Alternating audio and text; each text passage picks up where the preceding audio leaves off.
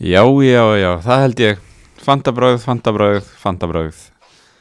Fanta bröð Þreifaldur þáttur í okkur í dag Já, já, eins og vanlega Já. Tjóð erum við duglegir maður. Ég veit það Mættir hérna upp í stúdíó fyrir allar aldir Á þjóðu tíu degi Íslendinga Já, já, margir að taka sér frí Já, Ekki við nei Þrefaldur þáttur á frítegi Þjóðatíðategi Íslandíka Þetta er sko í alvegni Þetta er fyr, til fyrirmyndar Já, ég held það Herðu, við erum í bóði Nemja Já, Nemju, kannski, segir maður uh, já Ég segi yfirleitt nemi Já, Þú segir nemi já Við erum að koma að staðinu eina sanna í þessu já, Fara kannski enga tíma bara til þeirra í Læra íslensku fallbeygja. og Læra fallbeigingu Þetta er hérna Já, það er hérna Já, við erum í bóð þeirra já Og World Class World class Þ- Hver er þín stöð? Það, Þessa dagana Þessa dagana er ég að vinna bara með eh, gamla góða árbæðin Já, bara heima heimastöðina en það eru svo margar stöð að því þetta er svona eins og McDonalds fyrir, fyrir mér þú, þetta er alltaf eins Já, en, þú veist, já, já, já. þetta er samt svona ekki alltaf eins já, en þetta er alltaf world class skilur við, þannig ég get svo, veist, eiginlega bara farið þú veist, á Selfoss þess vegna og bara, mm, já, hér, hér finnst mér gott að rækta vöðvana consistency is key nákvæmlega, Herru, og svo erum við nýjan styrktarraða heldur, betur Er það ekki rétt? Já, það er bara þeir hrannast inn núna þeir eru fallin að fjalla þrefalt um fótbolta Já, það var náttúrulega sjálfsögðu það var fleiri hlustundur og, og, og fleiri sem vilja vilja vera með í þessu fanta bræða veislu eðlilega og það er nú aldeilis uh, sómasamlegur styrtaræðali Ok mikil sómi af honum já, Er það sem sagt sómi? það er sómi Já, já, já, Hey! okkar menn okkar menn í samlóku yðnaðinum og hummus yðnaðinum Já, þú ert alveg þar ég hella penju hummus yðna Já, já ég er svolítið þar ég er stelst í hann Ég Ég vissi hérna- ekki hvað hummus var sko. hum, bara orðið hummus ég var bara, hvað þýðir þetta því ég man í einhverju frendstætti var hummus þýtt sem álegg já, já, já, ég var svona, álegg, hvað get ég bara fengið skinku og ost hummus á brauð með skýrfi og svo er þetta eitthvað svona eitthvað rosa dæmi ég, bara, ég lærði hvað þetta var bara fyrir einu, tveimur árum Þetta sko. er bara álegg sett í blender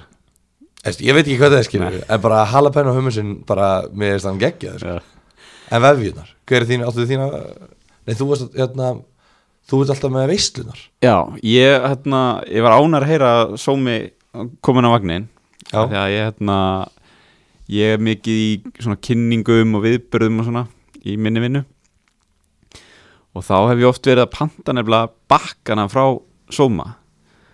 uh, Já, sem, er, veislubakkana. sem eru algjör snild sko, veislubakkana partibakkana Já. þetta svona litlu vefjurnar Já. á bökum Einmitt, uh, veislubakki, hérna, luxusbakki, partybakki og svo uppáhaldum mitt hérna, gamli góði. gamli góði þetta er gamli skólinn maður hangi kjöt og roast beef og steiktur laukur og vá hvað þetta er gammalt og góður já já og gleði fréttir Já, komdu með það. ég elska að segja eitthvað svo sem þú hefur ekki hugmynd um að þú fara alltaf svo það var að segja eitthvað heimskulegt þú gerir alltaf Ég herri, komdu fyrir þetta þar. við ætlum að gefa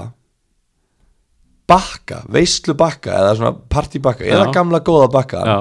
í verðlun fyrir sigurvegar að fantabráðdeildarinnar það er svo leiðis. Já, af því að hvað heldur þú að ma- sá sem að, að þeir sem að vinni þetta er náttúrulega báðum deildum, kalla Já. og hvenna hvað heldur þeir sem að vinni sé að fara að gera þegar þeir vinna deildina? Halda partí. Halda partí Já. og hvað þarf þá að vera? Bakki. Bakki, nákvæmlega þannig að við ætlum að gefa eitt pakka herri, geggja maður. Já, En við ætlum að byrja þáttin og að fara aftur í rætunar okkar. back to the roots Ástæðan fyrir þetta allt byrjaði. og fjallum Fantasy Premier League. Enski boltinn, Enski boltinn byrjar í dag. hann byrjar í dag Þannig að þeir sem að hlusta að snemma þeir f- fá tips Já, þeir Eða sem eru svona- með kveikt á notification og, Já. og svona eru með einhverja sigur óða pjakka í einhverjum skrúgöngum og eru ekki alveg kannski ígýrtum fyrir það þá geta að laumað einu airpods undir húuna og hlerað svona aðeins hvað við erum að fara að ræða hér Ég dýrka hvort alltaf búin að kortleggja típuna ég veit nákvæmlega hvaða típa þetta er Herðu, ertu búin að hérna, kíkja eitthvað á liði? Þú varst nú manna fremstur í flokki að benda fólki á að breyta liðinu alltaf jafn óðum Já. af því að umferðnar voru að telja Já Uh, Það var svona þegar ég var líka að vonast til þess að það væri kannski fjórar, fimm umferðir og ég fengi svona skipta hálfulegin og Já, svo myndi já, það já. bara að byrja aftur já, já. Ég hef aldrei verið á lífi þar sem svona koronavera kemur upp og bara Nei, þú hefur ekki lent í því Ég hef áður. aldrei lent í þessu áður það bara tekur yfir heiminn í þrjá mánuði þannig að hérna þannig að ég svona röklaði svo, ja, röklaði svo út úr þessu ég, ég fór að gleyma þessu Já, Tölum já. við- segi bara hreint út, ég fór að gleyma þessu og hérna náði ekki alveg að halda í við, við þetta og var ekkert að pæla eitthvað og núna átt að vera umferð, þetta er deadline hérna eitthvað Mm. þannig að ég er með alveg fucking lélegt lið akkur núna það er bara það að ég bara er gjörsálega orðlaus hvað liðið mitt er lélegt akkur núna Uh, ég hata hvern einasta meðlum í liðinu nema liðbúlgæðina og ég er bara í, í tómu tjóni en þá að ákvað ég, þetta er svo mikið valjú byggt upp í sömu leikmönnum hann og svona, þú veist, ég náttúrulega vil ekki það sem gerist náttúrulega með De Bruyne, ég seldi hann og er eftir að kaupa hann aftur á miljón dýrar heldur en kemst hann fyrst, þannig að ég er svona ég tek ákvörun klukkan fjögur og eftir, þá mun ég íta á confirm, já. en, en þetta já, þetta, Sko ég er að skoða að liðið hérna eins og það var allavega ég veit ekki hvort þetta sé sem nú enda þetta á er það sko það er sko Adriano Pope markmennir, þetta er henni byrjunarliði sko já Af því að Alisson var meittur þarna á sínum tíma Svo er það Trent, Doherty, Otamendi, Marcos Alonso uh, Craig Cathcart á backroom Já, Mares, Sala, Dele Alli, Diego Jota, Jimenez, Aubameyang og svo bara Dukuri og McCarthy á bekknum. Þú Veist, Þetta er vonlöst, segjum við bara hérna þetta er ekki spennandi, sko. Deli Alli í banni og, og, og bara þú veist þetta er bara Býtu, hann fekk bann fyrir að gera grín að COVID, Já, var það ekki? jú er það ekki Þarna hósta eitthvað svona Ég, hann, ég held hérna fyrir Þetta er ekkit eðlilega vittlust, sko. Hann er mjög stektur En já, ég meina, já, þú veist þetta er ógislegt Otamendi Hann var alltaf eitthvað að spila Laporte er örglóðin heill og ég veit Já. ekki hvort Otamendi sé eitthvað að fara að spila núna En, en þeir eiga náttúrulega tvöfaldumferð Já, og maður ætti svona að raða sitt í mönnum inn Alonso var búin að vera í formi Dele Alli, þú veist, hann var alltaf eitthvað svona aðeins, eitthvað nýju Dele Alli í dæmi, þú veist maður er bara að rifja upp bara hvernig var lífið fyrir þrejum mánuðum það er bara drullu öðru tveir sóknumenni Wolves, Diogo Jota og Jimenez voru farnir að hérna rífa sér í gang já, og, og Bami skýrur, við, þú veist, sem að var á tvöfalda umferð og eitthvað svona zoom, núna, mættir í dag í nútið, zoom, hljóðið og Bami er bara núna eitthvað veit ekki hvað það náttúrulega skrifandi samni, eitthvað svona, sa- svona leiðinda umræður komnar í gang og þá, það, þá vil ég bara, er, takk fyrir komuna ég vil skipta þér út bara fyrir Aguero eða eitthvað ok. Svo kemur að sitt í leikmannunum sem eiga náttúrulega Arsenal og Burnley tvo heimaleiki uh, Arsenal eru, þú veist ættu að vera svona erfiðuleikur var náttúrulega mjög auðvelt fyrir þá í fyrir, fyrir umfyrinni Mm -hmm. Burnley heima, þú veist, Burnley þeir hljóta að múra, eða, þú veist þeir komum alltaf öðru sér uppleik heldur en Arsenal Já, já, inn í leikin en þú veist, væntalega bara múra fyrir þannig að kannski verið erfitt að brjóta þá niður en svo eftir það þá hefur sitt í náttúrulega ekki að neinu að keppa nei, nema meistaradeldinni þannig að ég vil ekki, ég þúr ekki að hafa þú veist, eins og ég er með Otamendi og Mares þetta eru ekki læstir leikmenn í byrjunarliði Aguero þú veist ég veit að ekki skiljum mig langar ógislega mikið að hafa hann, en hvað svo hvað þegar meistaradeldin kekar inn, um Einmitt. leiðum kekar inn einmitt. og ég er nú búin að ha- gefa honum meir en næg tækifæri til þess að gera eitthvað fyrir liðið mitt Heldur og betur. aldrei hefur hann gripið það Eh, það bara svona svo við minnum á það aftur það er auðvitað, þú veist fría skiptingar og er, maður er með hálgert valkart í gangi núna fr- fram til lugan fjögur væntalega Já,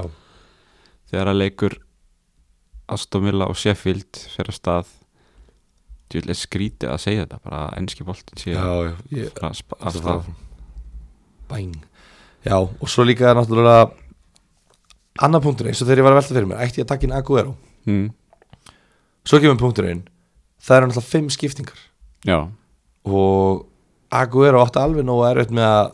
vera ekki tekin út af þegar það voru þrjár skiptingar Hann á ekki eftir að sp- hann á aldrei, þú veist, þú bara svona þegar, þegar kom 60. mínútu og þú sást að, að fór ykkur að hita upp Gabriel Já. Jesus var að koma inn á já, og svo bara please, please, please, please, please, please, please. yes, hann tók Mares út af við eitthvað hann alltaf í, þú veist, eitthvað svona Það var bara, þetta var ótrúlega svona hjarta aukandi, Já, já. hjartsláttatröflandi moment hann er aldrei að fara að spila 90 myndur Nei Mares nei, er aldrei að fara að spila 90 Nei, myndur nei, nei. þú veist, það eru bara Störling og Mm. De Bruyne sem að gætu náðu 90 myndum nei. Já allir aðri verða þetta ekki út af svo veit maður náttúrulega ekkert með þú veist, standið á leikmennum Nei, De og Bruyne bara kom náttúrulega- fitnessi á gæjunum og hann var náttúrulega búin að borða aðeins De Bruyne í, í verunum já, datt í fröskupottin hann eða eitthvað. Já, franskar kartöflur eru náttúrulega belgískar já, ég teng, var að tengja hann sko. Já, þú veist, ég, við þurfum að átt okkur á að hlustendur okkar er ekki allir með háskóla próf sko Það er aðeins að hérna fara nánar út í hlutina en herðu sko, ef ef ég horfum yfir liðið þitt uh, ætlar að halda þrem vúlsleikmennum um, ég sko veit, ég verð að segja, fyrir mér, það- mér finnst þetta ekkert að því Nei, mér finnst ekki það því sko nei, þeir eiga flotta leiki þú veist, mér finnst þetta svona líklegir til að mæta ferskir Já, nákvæmlega Eh. Þegar Vestham, Bournemouth, Aston Villa Arsenal, Sheffield, Everton, Burnley, Crystal Palace Þetta er bara drauma já, og prógram svo Chelsea í lokin fram að lokaðum fyrir henni já, um, Ég er að sko, ég er alveg að pæli því já Út af því að þeir eru í svo mikið til baráttu mm og þú veist þetta er svona skemmtilegt lið einhvern veginn og bara ég veit reyndar ekki með tvo sóknumenn,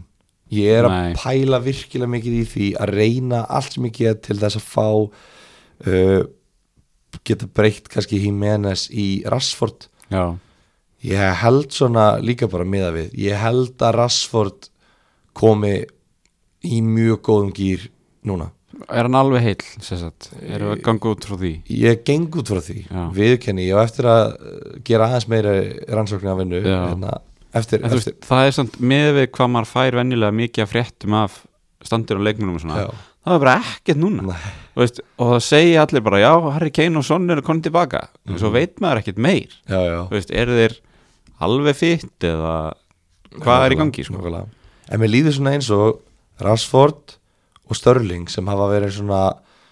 hérna, mikið í réttindu barátturu hérna, þeldur okkar leikmanna mm uh, mér líður eins og þeir og sérstaklega Rashford í, í sinni baráttu sem er í gangi núna mér líður svona eins og þú veist, ég veit það ekki skilur við veist, kannski er maður að ofugsa hlutina en mér finnst eins og hann munir svona koma inn og bara heyrðu ok, þú veist bara ef einhver englendingur áttar sig ekki á því að þú veist, ég fekk ekki að borða þegar ég var yngri út af þess að bara þarna með að að krakkar fái fríar máltíðir í skólum ef einhver áttar sig ekki á því hvað einstaklingur getur komið með fyrir samfélagi tilbaka þú veist, þú ert að borga kannski á þú svo skilur en svo ert að borga þrjúðu skall til þess að fá að horfa á þennan krakka skora mörg Já, já, þú veist þannig að ég veit ekki, ég er, svona, ég er að vonast til þess að hann komi að inn og það verði bara já, Rashford skýrir þú veist og hann, hann alltaf er fyrir utan það bara hvað hann er hægtulegu leikmaður á venjulegum degi já síðan er eitt í þessu sko að hérna, Master United á fínasta prógram já, Þú búin að kíkja á það? uh, já þú veist bara rétt aðeins en Já. þetta er svona Sko eftir tóttunleikin eiga er einmitt Sheffield, eh, Brighton, Bournemouth, Aston Villa, Southampton, Crystal Palace, Vestham, Leicester Þú veist bara Já. þægilega græna og gráa leiki sko. já, þú veist, málið er samt tóttinam tóttinam ætti eiginlega frekar að gráður heldur en Sheffield Sheffield er ekkert þægilegu leikur Nei, Brighton er í fallbaróttu þú veist, á útivellamóti Brighton sem er að berast fyrir lífi sínu þú veist, mér rámar í að þegar Brighton þarf að, de- eh, mér veist Brighton svona smá eins og svona aðeins lélæra lið að Votford þegar þau þurfa að geta eitthvað þá geta þau alveg geta eitthvað, já, já en um leið og þau þurfa ekki að hafa þú veist, um leið eru búin að Leður festa- pressuleysir pressulausir, búin að tryggja sætti sér deildinni, þú veist, Votford er alltaf farið í frí bara í 31. ferð Já, og Brighton þarf kannski að gera það í 35. eða eitthvað eða 38. fer eftir Þannig ætlar að að, ætlar að halda sala ég, já, ég held að Já, það er freistandi fyrir mann að að selja hann, fá, þú veist, að því hann kostar svo mikið Já. til að, getur maður eitt pering núna í eitthvað annað sko Þeir eiga Everton, Crystal Palace og Master City, næstu þrem Sko ég vil allavega horfa á ég er að horfa á það að þeir séu að fara að, fa að lifta titlinum á, eða lifta, að, að, að tryggja sér titlin á mótu Kristapalas Já, og ef að ég væri sala ég væri alveg til í að skora þrennu og loka titlinum með þrennu fyrir framann koppstúkuna sko persónulega Þegar þú segir þetta svona sko það er ekki hægt að selja hann sko. Já, þanga til þeir tryggja sér titlinum Já, já, já. endanlega Já. ætla ég að, ekki að íhuga einu svo seljan Nei, svo mögulega, ég meina þeir eru búin að tryggja sér dillilinn Hmm. þá fyrir það væntalega bara að snúast um þú veist, jú, náttúrulega vinna leiki en líka bara, ok, heyrðu, þú veist, bara skemmtum fólkinu sem er búið að styðja okkur hérna Já, já, reyndar bara, þú veist, skorum bara hellinga mörgum og við erum, þú veist ég veit það ekki, ég man ekki alveg hvað met þetta eru sem að þeir geta hérna bætt Nei, ekki alltaf ég að fara að rifja það upp sko en hérna, já En já, þannig að ég, hérna, maður er svolítið að horfa til, þú veist, Rashford, Martial, uh, City leikmannina, uh, mögulega Sheffield United varnamannina, þeir eru náttúrulega tvöföldum fyrir núna. já, Uh, það er svona that's about it, sko. já, og ég er ekki einu sinni að horfa á sittileikmunina út af því að þeir bara hérna, Svo veit maður náttúrulega ekkert, þú veist, hvort einhver er að fara að spila meir en einn hálfleik þar, sko. nei, nákvæmlega og bara svona, já, út af, út af meistæðleginni Já. Chelsea eru með ágætisprogram Já, þeir eru reynda að sitja heima í sem sagt, ekki núna aldrei næstu umferð en svo er þetta bara svona ágætis prógram fyrir þá, nokkuð mikið á útileikjum kannski, en en fjórir útileikjum í næstu sex leikjum mm en ég- þú veist, Alonso var búin að vera heitur hérna spurning með Tammy, Tammy Abraham hann var náttúrulega að skora meira á útivelli heldur en heimavelli já, það geti verið eitthvað valjú í honum og þeir eru náttúrulega í, í bullandi baráttu en þá Lester voru búinir að kólna Mastu, þeir Já, voru já. sjúktraðins og voru, þeir kólnuðu voru þeir ekki vel búin að vinna nema einn á síðustu tíu Já. eitthvað fyrir pásuna, sko. og ég held svona þú veist, þeir, þeir eru ekkert hólpnir með þriðjasætti sitt sko Nei, þannig að ég held að þeir getu alveg hafa svona aðeins, kannski var þetta skilur, ég held að þe- kannski koma þeir vel undan þessu, bara Já. ok, við náðum bara þú veist, það var allt í ruggla og þetta gerði svo hratt ok, við náðum aðeins svona rígrúpa uh, chilla aðeins bara svona ok, þú veist, já hugsa um eitthvað annað en fótbolta mhm, og bara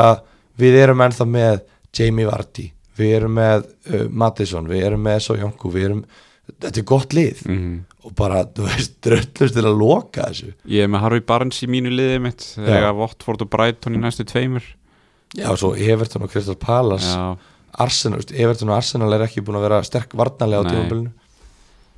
en uh, ég þú veist, liðið mitt er hérna, ég er með Henderson í markinu hann á náttúrulega tvo leiki núna Já, uh, svo Martin Kelly, Trent Lascelles, Doherty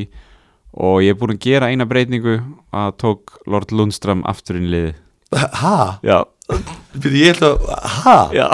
Á hverju? bara ég var bara, mér, svona manni er orðið svona nett sama um þetta Já, ok, Þú veist, þannig það var að bara núna er, tilfinningar. núna er ég bara til að hafa gaman að þessu og hérna, ég seldi mér að segja sko Joe Gomez til að kaupa Lundström aftur þú veist, það var bara ég ætla bara að fara hræðilega út úr peningamálunum Oh my hann sko. Já, það er, það En er mjög hérna- orðið þér Byrju, hver, hann, hann, var, hann setti tvennu í æfingarleikun daginn og greiðli góðu standi kallinn þannig að ég ætla bara að sjá hvernig Já. þetta verður sko. sko, Ég er náttúrulega í sko hatramri baróttu í engadeild já, sem er mikið undir og ég er alltaf ég, er sko, ég verð að taka þetta bara professional ég bara, ég veit ekki ney ég er, ég er svona á aðeins erut með að peppa mig í gangi eins og þú já, en ég verð bara að hugsa, heyri, það, það er engin að spurja þú verður bara að gera Já, já. þetta þetta er, bara, þetta er bara eins og að þú veist, bara, ég veit ekki skilur bara busta tennutnar þegar maður nennið ekki á kvöldinni eða bara búum rúmið eða eitthvað skilur bara, það, það er engin að spurja rýmið í gang bara, oh, jésús Herra, á miðin er ég með Harvey Barnes, Salah, Kevin De Bruyne, uh, Bruno Fernandes og Bukayo Saka já, uh, og svo frammi Aubameyang, Jimenez og Danny Ings ég er svona, það er kannski helst Danny Ings sem mig langar að losa Hvernig fór hann í fríið? Var hann, þetta er samt svona gæi sem fær sér sko fisk og franskar í, þegar hann er í fríi finnst mér uh, hann var búin að blanka í þremi röð já, já, og sex af búin að síðustu sjö. setja sko, já þú veist, eitt marki síðustu sjöleikjum eða eitthvað já, já. hann, lítur, hann er útleið sko ég get bara staðfesta hér en svo er málið formið hefur ekkert að segja nei, núna nei, nei, nei út af því við erum að skoða sko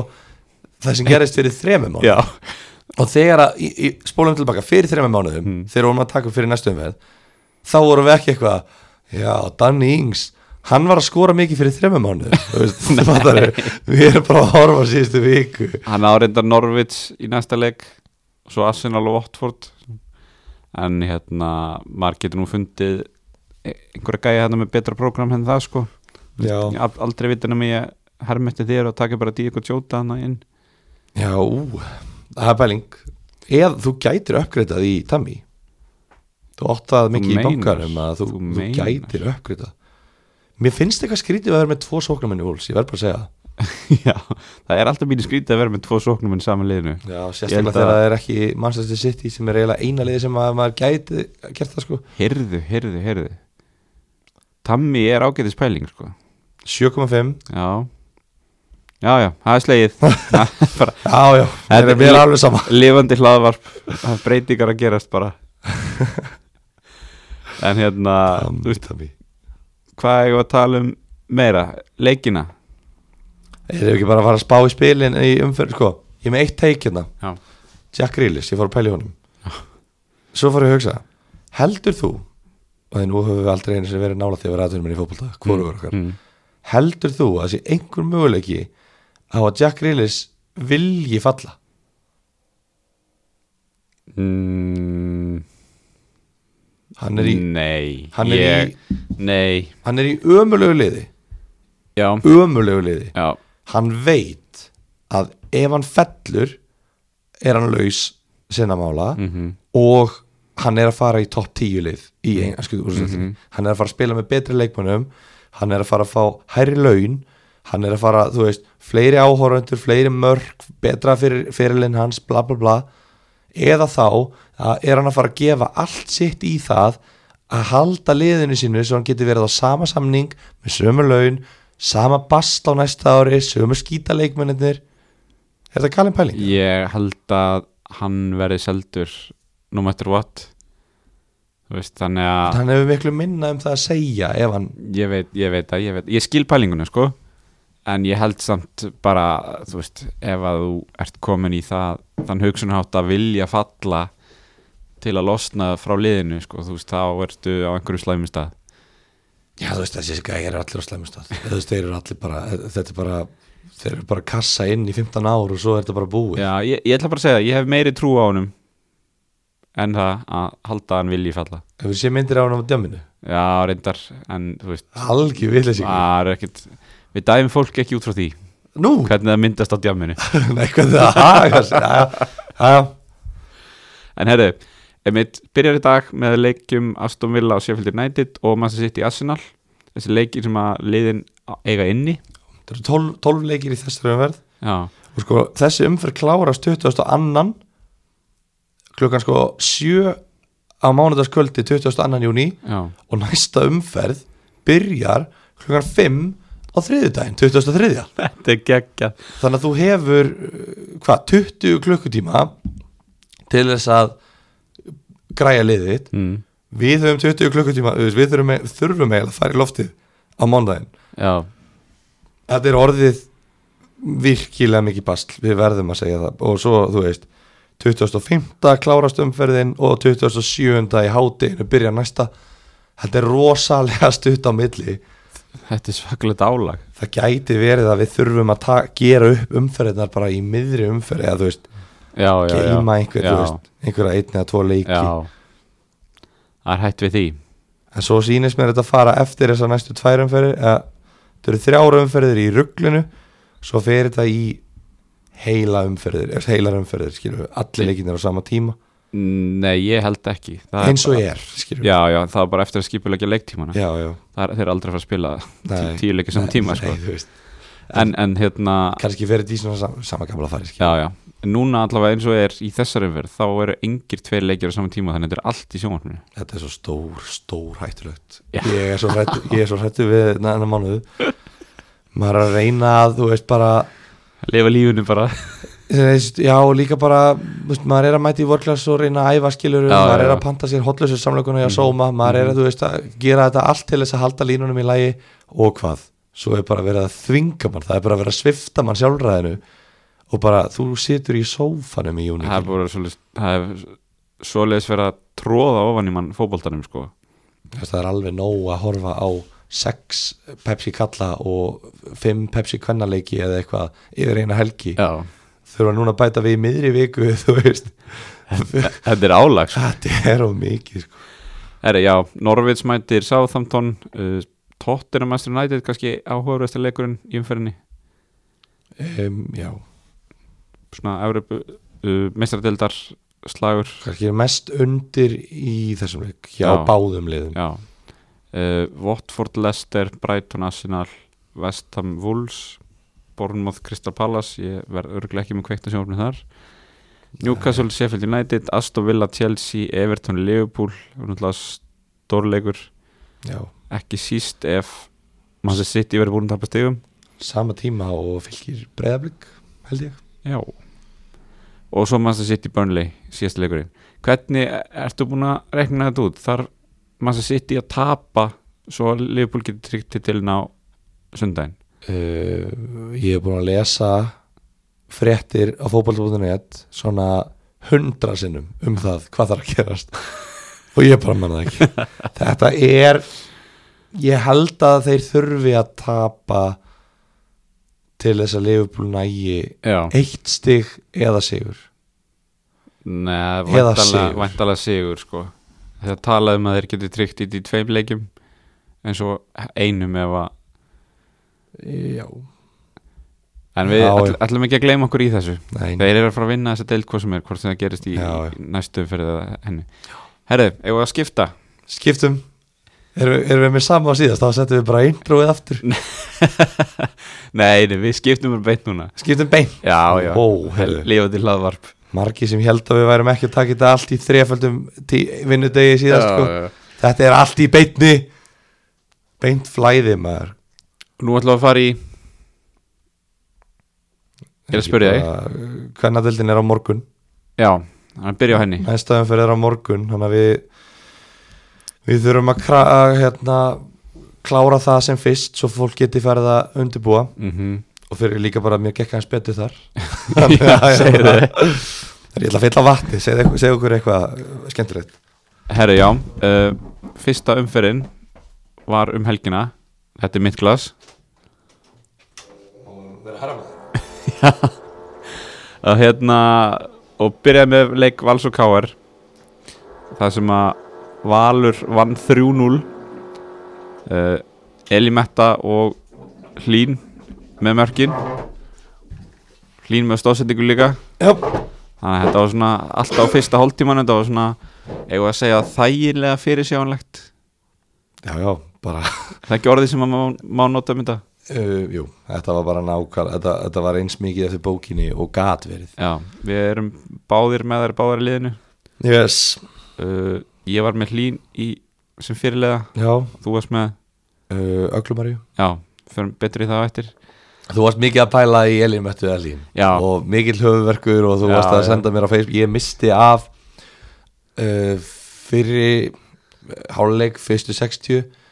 Ég fæ bara á, á tjattir oh, Gat nú verið að Elin Mötta Hverju valdi maður ekki Elin Möttu Og Já. svo bara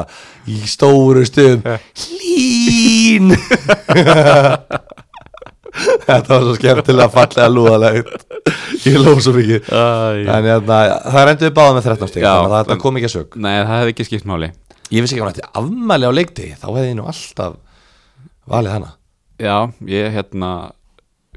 bara let's call it intuition sko. Ég skellti bandinu á hana Já, já Skal við ekki, ég vissi ekki að var Það er afmælisdaginu, en- frekar óþægilegt að þú vitir afmælistag Nei, ég- ég var að segja- hana, en, en hérna, skal viðkjanna, ég veit Ég ekki ætla að afmælisdaginn, en- reyna að dæma þetta ekki Já, Já. Herru, Þetta er svo, smá er ég, óþægilegt. svo er ég með Hallberg líka í vörninni sem fekk 5 stig hvað hún eldi sér í guldspjald hana er hann að fara en guldspjald á móti hélt- káur hélt hreinu uh, Varst þú með fleiri leikmenn í þessum leik? Sko, uh, nei Ég ætla að byrja bara á að útskýra aðeins hvað gerðist hjá mér klukkan 18.15 á föstudagskvöldinu Já, Ég var þarna 18-15 var mögulega sko það þarf ekki mikið af uh, millilítrum til þess að það fara að hafa áhrif á mig á föstudum, skulum við segja og uh, ég var þarna uh, veit ekki hversu mikil, e, mikil áhrif einn hérna, ein bjór hefur Mm. en, en mér leiði eins og ég væri ég, og fyrir utan bara spennuna, ég var svo ótrúlega spenntur og eitthvað ég sat þarna bara, reyndi sko klukkan, ég var búin að stilla upp bara, ég var ánægð með liðið mitt klukkan 18.14 Mhm. mm. mín og dag, þetta læsist, bara flott nema það að ég sko settist ón á hendurna mínar og horfði bara á skjáin, ég gæti ekki fyrir að gera neitt annað ég satt bara og beigði eftir að klukkan er 18.15 nema það að, og, og nú bara, af því að við erum hérna sérfræðingar ég ætla bara að kasta þessu fram fyrir aðra ég ætla að deila þessu leynitriksi með aðra markaðurinn lokar ekki alltaf nákvæmlega klukkutíma fyrir uh, og hérna og reynslu boltarnir í leiknum vita þetta klukkan 18.15 er eh, klukkutíma fyrir leikir byrjunulegin gefin út og ég sé hérna valslið og káarlið og ég sé að Ástís Karen er að byrja inn á mm -hmm. og ég var ekki viss hvort að hún myndi byrja að íta eða hvernig þetta væri þannig að ég var, með, eng- ég var bara með Elísu, Ástísi og Hlín nei, Elísu, Elimett og Hlín Já, og ég sé bara, heyrðu, shit maður hún er að byrja inn á, ég er ekki með hana Mm. og markaðan er ennþá opinn, ég get breytt þessu þannig að ég fór í panika því að ég veit ekki hvort, hann brey- hvort að loki núna Já, já, já. eða eftir þrjár mínútur skilur þannig að ég bara, fók, ég veit ekki hvað ég hef mikið tíma ég var að dreifa mig og fór bara í algjör panik var með Elisu Viðars sem að lagði upp og fekk stóðsendingu fekk nýju stig, ég skilaði henni til þess að koma ástísi að því ég hugsaði að fram á við á 5,5 gefins Mhm, uh, Ástís Karin gerði ekki neitt hún fekk þrjú stig og bara illa pyrrandi uh, þannig að ég en sko, ég man ekki hvaða breytingar ég gerði á liðinu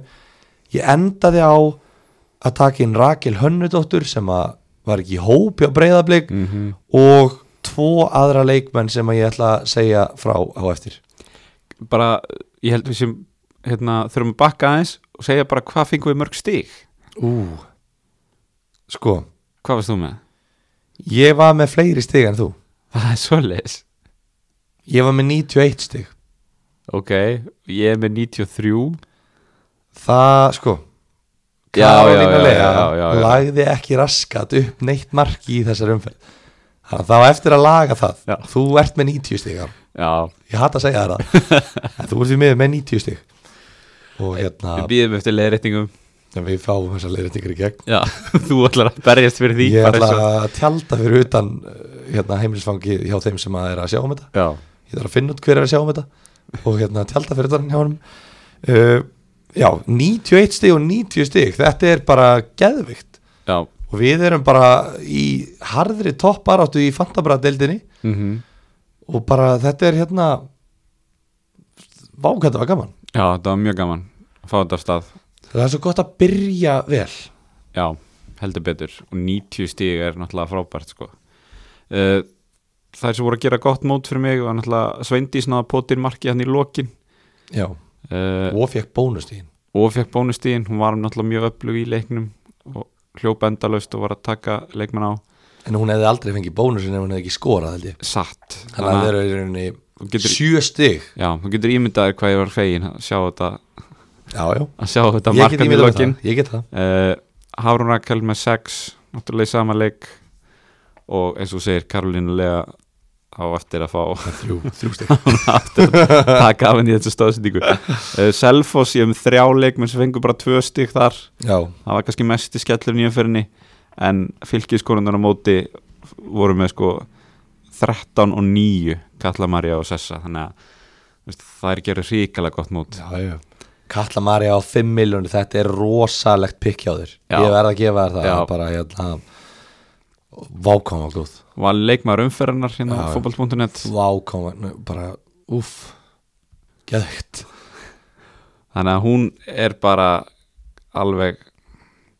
geirin eld í liðið eins og maður segir Þú veist, Ég held að væri ekki hægt að fá bónustig umfram Berglindi Rós já, já, já, En henni tókst það og það eitt og sér segir bara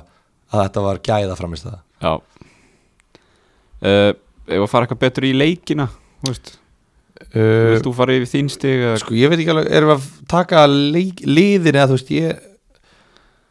Sko, li, já, uh, ég klára mitt lið bara í í sn- snöggt hérna uh, Barbara og Áslu Dóra, ég, var með- ég, ég vissi ekki að annan liðið var að fara að halda hreinu já, ok, eftir áhyggja var fylgir svona kannski líklega með að við hérna, tölfræðina mm á árinu fylgir gerði það bara flott, ég með Sessu og, og Beggu,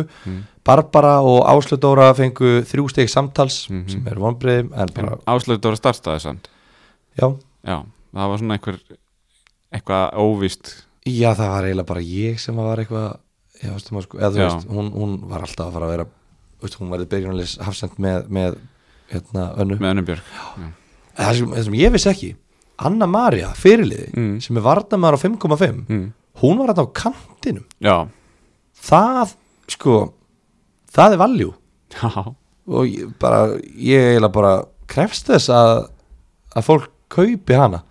eftir næstu umferð, þegar þegar ég að breyða blika heima núna já, já, já. Hafrún 6 stig, Agla Marja fyrirlið með 12 stig Sem sagt, fær 6 stig í umferðinni Mm gríut fárætt að segja þetta en því lík vonbriði já, því lík vonbriði að leggja bara upp eitt mark í leiknum og bara oh, pyrrandi sem segir náttúrulega bara hversu háan standard hún hefur lagt fyrir mann í fantasy-dildinni já, já,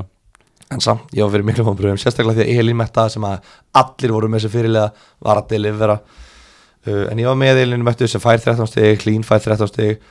frammerðinu tveir sem að ég tók í panik kastinu mínu mm. til þess að koma ástísi inn í liðið Já. og ég hugsa allt í hennu fór ég að efast um að Karolina lega myndi byrja, ég bara, ah shit hvað ef Becca byrja bara á Sveindís á kantinum Mm og hérna og Karolín alveg á bekknum bara ég má ekki við því þannig ég tek bara tvær sem ég veit að er að fara að byrja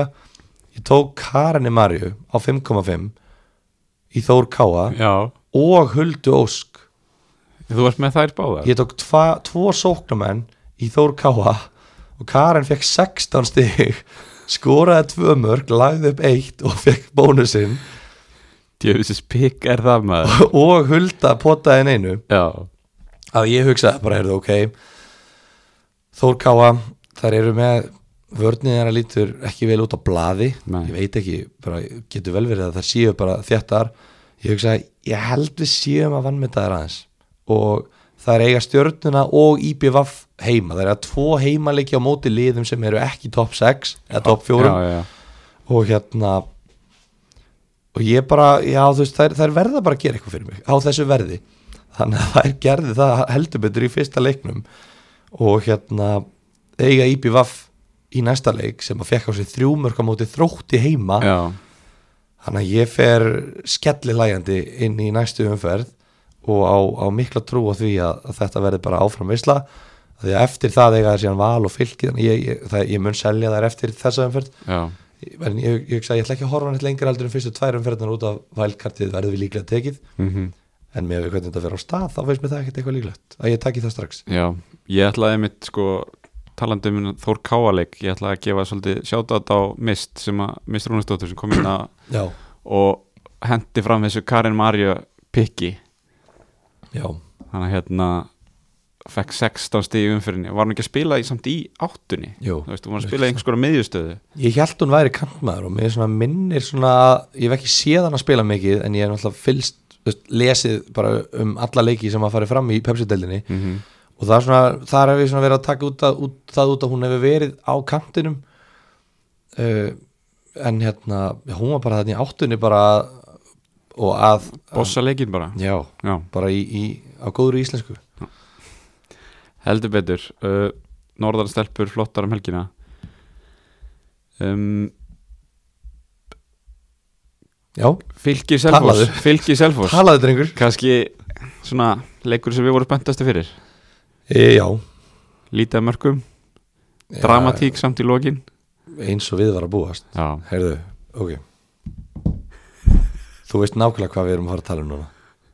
þetta víti eh, fyrir utan það að þetta var einhver bilaðasta ákvörðun sem ég hef séð að dæma víti á þetta já, og bara við verðum að kalla eftir standard í fylg, þetta eru topplið í deildinni bæði þessi lið gætu alveg á frábæru tímabili gætu þau bara barist um Íslandsmeistaratitilin mm við getum ekki fengið svona vítaspilnu ákvarðanir í lokleik sem að- er að fara að hafa svona mikil áhrif þetta var svo gjörsamlega glórulaus ákvörðun að ég hef bara ég bara hef ekki oft séð annað eins og jújú, jú, réttlætinu fullnægt að senda sko bara ég, ég veit ekki hvað gerðist en þetta víti var verra heldur en ákvörðun já, meina þetta var ógeðslega lélegt víti Já, ég var allavega ánæður að fylgjast með textalýsingunni og sá hann Ertu ekki búin að sjá vítið? Nei, þú verður að sjá þetta víti sko. Ertu ekki, já, já, þú ert ekki búin að sjá ákvörðun heldur Guð minn almáttugur sko Það er bara sko Selfastelpan, En- hún eiginlega hleypur í bakið á köllumari eða eitthvað skilur, hleypur bara á hana já og bara Cecilia nær boltanum og bara það er engin að byggja, það er ekkert að gerast já, byrtist allt í hennu dómarinn heyrðu, ég ætla að dæma víti á þetta og bara ha, skotið og hún sko, Magdalena kemur inn á já, sem að, sko, ég held að hún væri leikilmaður í selfhásliðinu, hún er búin að hefur verið bara ágætis leikmaður Já, hérna sóknulega, reynst einmitt. bara ágætlega í, í fantasy, delfinni, einmitt, einmitt hún er komin á bekkin greinilega búin að missa sætið sér til glöru myndi ég halda sem að fengið inn á tímabilinu mm greinilega ekki með, með traustið frá þjálfaranum en sett inn á af hverju er hún vítaskiptaleysins uh, Ég, svo sem veit það ekki en hérna, ég veit bara hún hefur verið það var það í fyrra held ég já þú veist þú þarfst eiginlega ekki meira heldur en bara að horfa á þetta víti vítaskiptaleys á ekki að geta tekið svona liðlegt víti Nei, það á ekki að vera fræðilega hægt og hvað þá þegar þú ert, veist, þetta, lítur, þetta lítur bara svo illa út þú ert nýkomin inn á af bekknum 80 og 8. 90. mín, ég man ekki hvað, þetta er bara alveg í blókin og þú ert með bara leikmann sem heitir Dagni Brynjars inn á þú veist, ég, ég er bara svona, þú veist þetta var, þetta var bara þetta lítur bara mjög illa út Já. en auðvitað er vítaskipta liðsins er vítaskipta liðsins en bara, já, þetta var vonlaust og hérna og fylgir náða loka sérunum já, heldur betur maður uh, IBVF og þróttur það er kannski svona liðin sem við vissum um. minnstum já, og hérna voru svona hvað mest spurningamerki fyrir okkur og þau, og þau henda í sjö marka leik hérna já Vestlu, fjögur þrjú fyrir IBVF og Maja Votford uh, framherri IBVF er með tvö mörg og tvær stóðsendingar eða sitt sem var tvö mörg stóðsending og fiska víti uh, er þetta eitthvað sem að maður er þetta pæli að kaupa hana? uh, Hún er já, 6,5 já. sástu, erum við að sjá úr þessum leika Já, ég sá mörkin djöfull, er hún fljóta hlaupa Já. maður. oh my god hún er bara chillandi þetta skilur og svo bara, er ég á bolti ah, ég er fimm metrum á eftir vardamanninum, ég ætti ekki já, og bara, ég tek þetta ég er næjanum stelpur. hún er ekkert eðlilega fljót Nei, þetta sko fyrir utan það bara að þú veist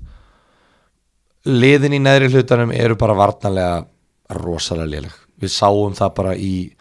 uh, hæglætsvonum, mörkin meira sér marki sem að fylgir skoraði, þú veist, þetta er bara rosalega lélegur varnanleikur uh, ekki, ekki bara er þetta veistla fyrir á móti þessum liðum heldur líka á móti liðum eins og val og breyðablík sem eru bara dominera leikina Mhm. nú er það er orðið óþægilegt að gera það núna móti IBVF já að því þú ert með þetta fljótan leikmann mm það, að, þú- og ég, ef að ég væri hafsend segjum bara hérna Lilli Rut ég myndi ekkert, mér væri ekkert alveg sama að vera með þessa stelpu á mér og þurfa að íta liðinu upp á miðjuna Nei, mitt Þú veist, þetta er bara, þetta getur verið rosalegt vopna móti Betri liðanum betri liðunum Já, og þær voru með hvað, átta útlendinga í byrjunarliði já, ég held það frekar en nýju ekki færi en átta allavega og bara þetta var bara frábær fyrir þær að byrja á þreymur stigum og, og hérna mögulega þú veist þetta er bara sama umræðu og alltaf með þessi landsbjölið mögulega eru þau skelli hlæjandi núna yfir því að það hafi verið að spá íbjöf á þórká að falli mm -hmm. hérna en ég veit ekki, þetta var svo sem bara á móti nýleganum og það er bara rétt unnu með einu marki en þetta, já, Já, en eh, svona heilt yfir við náttúrulega bara ótrúlega sáttir við byrjunna í þessu þessi Daniel Tolmei sanna, Já, IBF, hún er með löpp það er svo leiðis hún er á 7 miljónir ég veit ekki hvort Frammi. að ég veit ekki hvort að þær voru að spila með tveggjumanna sóknarlínu eða hvort hún hafi verið þarna hvort hún hafi verið þarna hægra megin og uh, eitthvað ljósar hávaksin ætlaði að það hafi verið lettin sem var á vinstrikantinum Olga, já, já ég held það ég þarf allavega hérna uh, ég þarf að skoða betur uh, fyrir morgundaginn hælansinn og svona sjá hvernig, hérna, hvernig það voru að stilla sig upp Mm. það, þú veist, þetta er ekki dýri sóknarmenn en ég get alveg sér fyrir eins og hérna, Daniel mm. ég get alveg sé fyrir mér að hún sé að fara að skora minna, þetta var, þetta var hérna, flott marki á henni Já, hún er að taka, þú veist, þetta, bara- maður bara sér þetta strax bara, ok, þetta er löpp mm uh, þannig að ég, ég held að geta alveg verið valjú allavega í Daniel og, og Míu Fatma Kara á miðjunni, vítaskitta hún er góð í fótbolta þú veist, það er alveg það eru alveg valjú í, í þeim uh, vorum við búin að um tala um hérna að það væri einhver umræðum að þessi Grace Hancock væri ekki alveg að standa undir vendingum Nei, ég man ekki- allavega ekki eftir því sko. ég man ekki hvað ég heyrði það en, en einhvers staðar- einhvers staðar heyrði ég það uh, svo erum við með varnamann hérna Kristjana Sigurds mm, á 5,5 sem að ég held að sé eða bara kantmaður svolítið, svolítið eins og Anna Marja Ok, en 5,5 miljón er svolítið mikið fyrir varnamann í IBVF skilur, ég myndi Já. frekar taka varnamann í Selfoss á sama verði sem er líka að spila sem kantmaður Mhm. og loka punktunum frá mér mér fannst þessi markmaður ekki að heilla mig nei, það var að tala rosa mikið um hann að þetta ætti að vera bara einhver frábær markmaður já hún var engan veginn að sína mér það í þessari fyrstu umferð Auður skefing sem er lánið frá val já, bara að þú veist ótrúlega skrítið að segja það en mér veist eiginlega bara viðbjóðslega lélegt að hún hef ekki varð þetta víti þetta víti, þú veist, hún bara hún hefði bara geta sko lagt sig í svona sjö mínútur og svo tekið skrefið til hliðar og bara, að því, að því hún valdi sér ekki hot Já, já, já, hvernig hvernig eru viðbröðin svona léleg eða skilju, þetta, var- við, þetta, var, þetta var svo hæg viðbröð ég bara, hvað er það að gera, verður þetta viti en hérna þannig að já, þú veist, ég ætla að gjörsanlega ekki að, að skoða það á, á 5 miljónir fyrir en ég fæ sannanir, sannanir um að ég hafi rámt fyrir mér er eitthvað í þrótti sem við þurfum að ræða uh, í þrótti náttúrulega erum við með hérna, Stefani Ribeiro sem skóraði tvö mörg Já, og hérna, á 6,5 frammi já, og bara algjör vonbreyði að þróttur skori þrjú mörg og Linda Líf kom ekki nálægt neinu þeirra Já, það var svona, ég fekk svona maður fekk svona pínu óþænda tilfinningu er ég að horfa fram hjá henni skiluru, veist, er hún að fara að sokka mig ég Já. vil það ekki en bara svo bara fjúp, ok, þú veist á móti IBVF uh, ekki hérna þú veist, þrjú mörg, hún gerir ekki neitt og það er að val í næsta leik og ég get alveg lofað því hún gerir ekki neitt í þeim leik heldur uh, Stefani Ribeiro er miljón ódýrari, hún tekur vítin hún er komin á svona, hvað sé, watchlistan watchlistan Já, en hún er töluvert fyrir aftan hérna Míu Watford já, ég myndi segja það Allavega svona það sem ég sá af þessu uh, Næsta umferð byrjar á morgun já, og hvernig líst þér á hana? umfyrirna Já, um, ég lýst bara vel á umfyrirna eða hvernig líst þér á umferðina með tillitið til liðsins þíns? bara mjög vel Já, ég hérna, sko ég, ég var ekki lengi að gera breytingu ég var kannski aðeins fljótur á- nei, nei, nei, nei. en ég var mjög fljótur að selja uh, sætísi ég endaði satt með sætísi í stjörnunni á 4,5 miljónir já, hálfur miljón nótirari, fekk leiði fyrir því uh, og ég ákvað á endanum að, að nei, á endanum, ég var með hann á bekknum hm. hugsaði að það væri fínt en eftir þennan fyrsta leik og með hvernig liðið mitt var þá var ég ekki lengi að selja hana fyrir köllu ég átti 0,5 miljónir og ég Já. átti pláss fyrir fylki og mér sýnist fylkisliði bara munu verða nákvæmlega eins og ég held að verði já, það eru bara þessir 1-0 sigrar, 2-0 sigrar þú veist, 1-0 sigur og Eva Rut skorar markið þetta er bara svona, það er ekki hægt að predikta þetta, þannig að eða spá fyrir um þetta ég hef bara þrjá vartamenn í fylki og bara það er, það er bara verið að gjöra svo vel að halda hreinu í 12 leikjum í sömar, að minnsta kosti þannig að ég kom með kvöldu Maríu líður ógeðislega vel með það mhm og og liðið bara lítið vel út þú veist, og sér það, ég er með Ástísi Karinni og Áslögu Dóru á bekknum Já, ég er með því líka breytt í þessu liði og þarf að fara að gera eitthvað í þessu skýrfu já, já, já. en á móti kemur, ég er með Rakel Hönnu í byrjunarliðinu núna Mm Þú veist, hún er eitthvað meitt sem að ég bara þú veist við vorum nú búin að tala um það hérna, með mist, hérna, hún og Alexandra væru tæpar já, komu kom að daginn að Alexandra spilaði leikinn en ekki og skoraði en ekki Rakel þú veist, en ég veit að Alexandra væri klár ég veit ekki hvort ég hefði enda með hana mér langar að vera með henni í liður mér finnst það svo skemmtilegu leikmaður sko, ég, Já. bara, ég dyrka hana hún var mjög flott í leiknum og hérna þannig að já, ég er með Rakel sem að fer líklega á bekkina því að ég, held, ég veit ekki hvort hún verið tilbúin fyrir næsta leik uh, en þá, þá bara er Ástís Karin að koma inn á mútið þróta útivelli og ég bara vona að hún haldi byrjunliðsætinu sínu Eyður var eitthvað að tala um að hún væri sigurvegarinn í COVID eitthvað svona skiluru Já, þetta er svona típist sem þú segir um leikmann sem þú vilt eiginlega ekki að sé í byrjunarliðinu en svona þú veist, þú, og gerði ekki neitt og skoraði ekki og þú svona, já hún er sigurvegarinn í COVID ég verða Já. hrós, þú veist, ég bara þú veist, hvernig getur verið sigurvegarinn í COVID, Já, já, já. fekk hún veiruna og lifði hana af neini, kannski bara ef þú meir en hinnar eða eitthvað síndi fram á ekstra mikið framlag já, þú veist, bara ekki á vellinum í gær eða þú veist á móti K.R. Nei, nei. Sigur Reðar COVID eru Hlín og Elín með það sem að lokuðu leiknum Já, en þú veist það er bara, bara, bara pæling herru, en umferðin byrjar með fjórum leikjum á samtíma morgun Já. Stjarnan F á Selfoss, Breiðablík, Rísalegur, Þróttur, Valur, Káar, Fylkir og endar svo á Þórkáa IPVAF á lögadaginn. Ert þú búin að gera breytingar? Ég er ekki búin að gera breytingar. Ert þú búin að ákvæða hvað Ég breytingar? á miljón í bankanum Yes. eins og mín er von og vísa. Já, já, já Herðu, uh, en ég klárlega þarf að gera einhverja breytingar af því að ég er mjög tæpur á breytinni og ná í lið. Já, Anita, Anita spilaði ekki. nei, Uh, það var svona já, hún er á 5 Já Þannig að Ok. hérna mjög líklegt að henni verið skipt út og en ég er eiginlega að pæli að ég er með klöru líka á sjö og ég er að pæli að detta í þetta að pikk með hérna hana önnu í selfossi Já, já, þannig að þá þarf ég bara að selja klöru og hræra eitthvað í þessu og hérna uppgreita þá Rebekku sem þú ert með á bekk Já, ég held það Þá ertu komið með 5, ég held að það sé leiðin á þessu tímanbili sko, ég veit ekki hvort ég hef sagt Það það verður með fimm í vörð 5 svona, eh, kannski ekki, eh, við getum ekki sagt að 5 miljonur kronar varnamenn sé premium, eða luxusvarnamenn Nei en þeir eru luxusvarnamenn í sem sagt, á tölum skilfu mm Hafrún í breyðarbleik er luxusvarnamenn þó hún kosti við, þetta er bara, hún er bara ekki rétt þú veist, verðið er bara ekki rétt skilfu Já, já, og Katla Maria á 5 miljonur líka, þú veist, ég held bara að verðið sé ekki rétt á henni þannig að hérna en ég held satt að segja að ég geri enga breytingar núna sapni bara inn, einni auka Já, og takk ég svo bara mini-wildcard Mini-wildcard. geri þrjár breytingar eftir það Já, þannig að nú er maður bara hérna vona að fólk sé að sofa á verðinum og gera lítið af breytingum Já, svo já. að verðin breytist lítið já,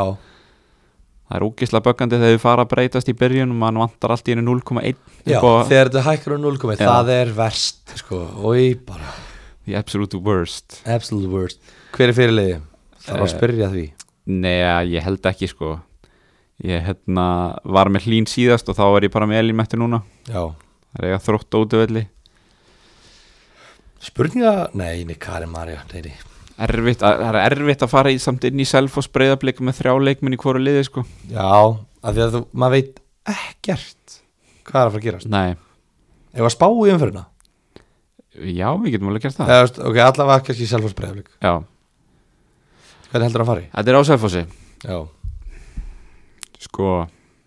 ég sá breyðabliksleikinum hengina já, uh, Það var eins og að vera álög á markinu já, Það var náttúrulega 1-0 fram á 90 sko já. um, Ég veit það ekki Ég ætla að segja samt 2-1 fyrir breyðablík ok Ég, sé- ég, ég einhvern veginn kemur ekkert óvart ef Selfoss tekur þetta stígur upp frá síðasta leik en ég held samt einhvern veginn ekki Sko, ég er ekki að reyna að vera leiðlega við selfhús Uh, Þær verða að vinna Já, þær get ekki verið með 0 stig eftir 2 leiki þá er þær búin að tapa fleiri stigum heldur en Íslandsmeistarnir í fyrra gerðu allt tímabilið já Þannig að hérna og og eða gera játtöfli Selfoss liði náttúrulega stefnir á að taka báða titlana Já. og það er alltaf að vera betri heldur en liðið sem að vann titilin í fyrra mm -hmm. og gera játtöfli þá er þær samt búin að tapa fleiri stig þær verða að vinna er, mm -hmm. þetta tímabilið að, að liðin munum taka fleiri stig af hvort þau eru Mhm. ég heldur sem alveg ég held að það sé nokkuð ljóst En hérna, en, hvað heldur þú? Hvernig heldur þessi leikur fari? Mm, ég held að breyðablík vinni uh, Selfoss var ekki að skapa sér neitt á móti fylki Nei, uh, ég held að skapi sér meira á móti breyðablík en ég held líka breyðablík skapi sér meira á móti Selfoss eða þess að heldur en fylki gerði mm markaleikur, ég sé samt ekki fyrir markaleik ég sé fyrir mig bara svona stress og svona háa spennu, þú veist, breyðablík gerði jafntöfli við Þór Káa í síð, á síðasta tífambili lið sem að þeir áttu að vinna en náðu ekki að vinna Selfoss núna er sem svo Þór Káa var í fyrra fyrst mér þetta er svona gott lið sem er aldrei að fara að berjast við þig veist, veist, ok, ég er kannski rétt að líki Selfoss er með gott lið, en svona, þetta er svona mér finnst þetta að vera sjöpað Þannig að hvað tölur allar hendi hérna? Breiðablík vinnur Mm. uh, og það er vinna ah, sé, þrjú eitt ok Þar hafið þið það fjögur eitt Fjögur eitt fjögur eitt, Agla Ok. Marja ætlar að mæta til leiks núna og hún Ok. ætlar að delivera Ok uh, Stjarnan FH uh, ég veit það ekki uh, 1-0 stjarnan Það henda játtöfla á þetta 1-1 uh, Þróttur Valur uh, 0-5 Já Ég ætla að segja 0 Nei, ég ætla að segja 1-6 ok, Mm. og gefur Lindu líf og, Já. hún, hún kemst á blað Já uh, K.R. Fylki Elín Metta by the way með þrennu á móti þrótti Já, er ekki bandið á hana er, Jú. þú veist, Hún er reyndar Hún er með 69% eignar hlutfall og sko þegar þú setur bandið Ég á held ég hef aldrei séð svona tölur í fantasy hann aldrei nokkuð tíma Hún er sko closing in on 70% þegar þú setur líka bandið á hana Já, þá er sko hérna effective ownership eins og við tölum stundum um í Já, já, já, fantasy já. hérna enska það er svona 130% já Úff. Þannig að hérna þú veist, bara að því leiti hva, hversu margir eru með hana þá er alltaf freistandi að setja bandið á einhvern annan þú veist, ef eitthvað skildi klikka já, já, já. en þarna ég bara ég þóri ekki sko Nei, nei, alls ekki uh, Ok, hvað er fylgir? Káar fylgir fer fylgir vinnur uh, 1-0 Þetta segja 2-0 fyrir fylgi það er allavega það, sko, Káar er með stert sóknarlið myndum, eða svona á blaði allavega Mm. Mhm. það er hérna, sko, nefnir alltaf ekki á móti val en þær eru með, þú veist sterka sóknarlínu og að mínum að þið ekki nógu sterka varnarlínu uh, þær geta alveg skorað á fylgi það kemur ekkert á óvart ef að þetta færi þú veist, tvö eittir fylgi eða, Nei, já, jafnir byggja með smá já. en ég er að segja skilur við, þú veist, þetta er ekki gefins hreint lag, það er bara svo galið að spá ekki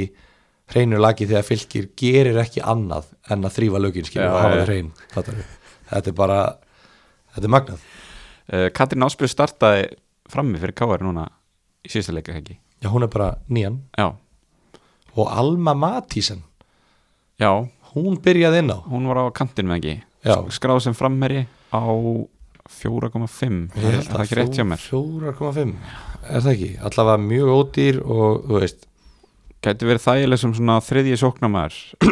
já, þú veist, ef hún er að fara að spila já, uh, þá hugsa ég bara með svona góða leikminn í kringum sig þá ætti, þú veist, ég veit það ekki ég, ég ætla bara að viðurkenna það ég hef aldrei heyrt þetta nafn, nei, ég hef aldrei heyrt þetta nafn ég hef aldrei séð hann að spila á ævinni ég veit ekki, kannski er hún bara drullu góð já, og bara óvart á 4,5 en á að kosta 9,5 skilur en ég held að svona með leikmenn eins og Katrin Ómars, Katrin Áspjörs og svona þú veist, ég held að hljóta að skora mörk í sumar og þá ef hún er að fara að byrja á 4,5 hún lítur að pota ykkur að vera eitthvað með í þessu partíi já þannig að hérna og svo þur, þurfum við kannski að nefna eitt sem við gleyndum á hana Begga byrjaði frammi í breyfliki Já, við vorum svolítið óvissir með það já, og ég til dæmis var með hana hérna uppálega og skipti svo yfir í Sveindísi af því ég var svona pínu stressaðar og hún myndi ekki byrja en hún byrjaði ef hún var búin að skora eftir einhverja tvær myndur já, og þú hefur auksað alveg er þetta típist já. en svo endaði Sveindis á að kosta 3 miljónu minna og fá 3 stegum meira já og því ég skal viðkynna það að það var erfitt að horfa á hann leik sko hafandi selt beggu af því að Mhm. hún var bara hún var í færunum, já, já, ég skulum orða það þannig já, hún hún skorar eitthvað á mótið sjálfansi já um, ok og síðast leikurinn í næstu umferð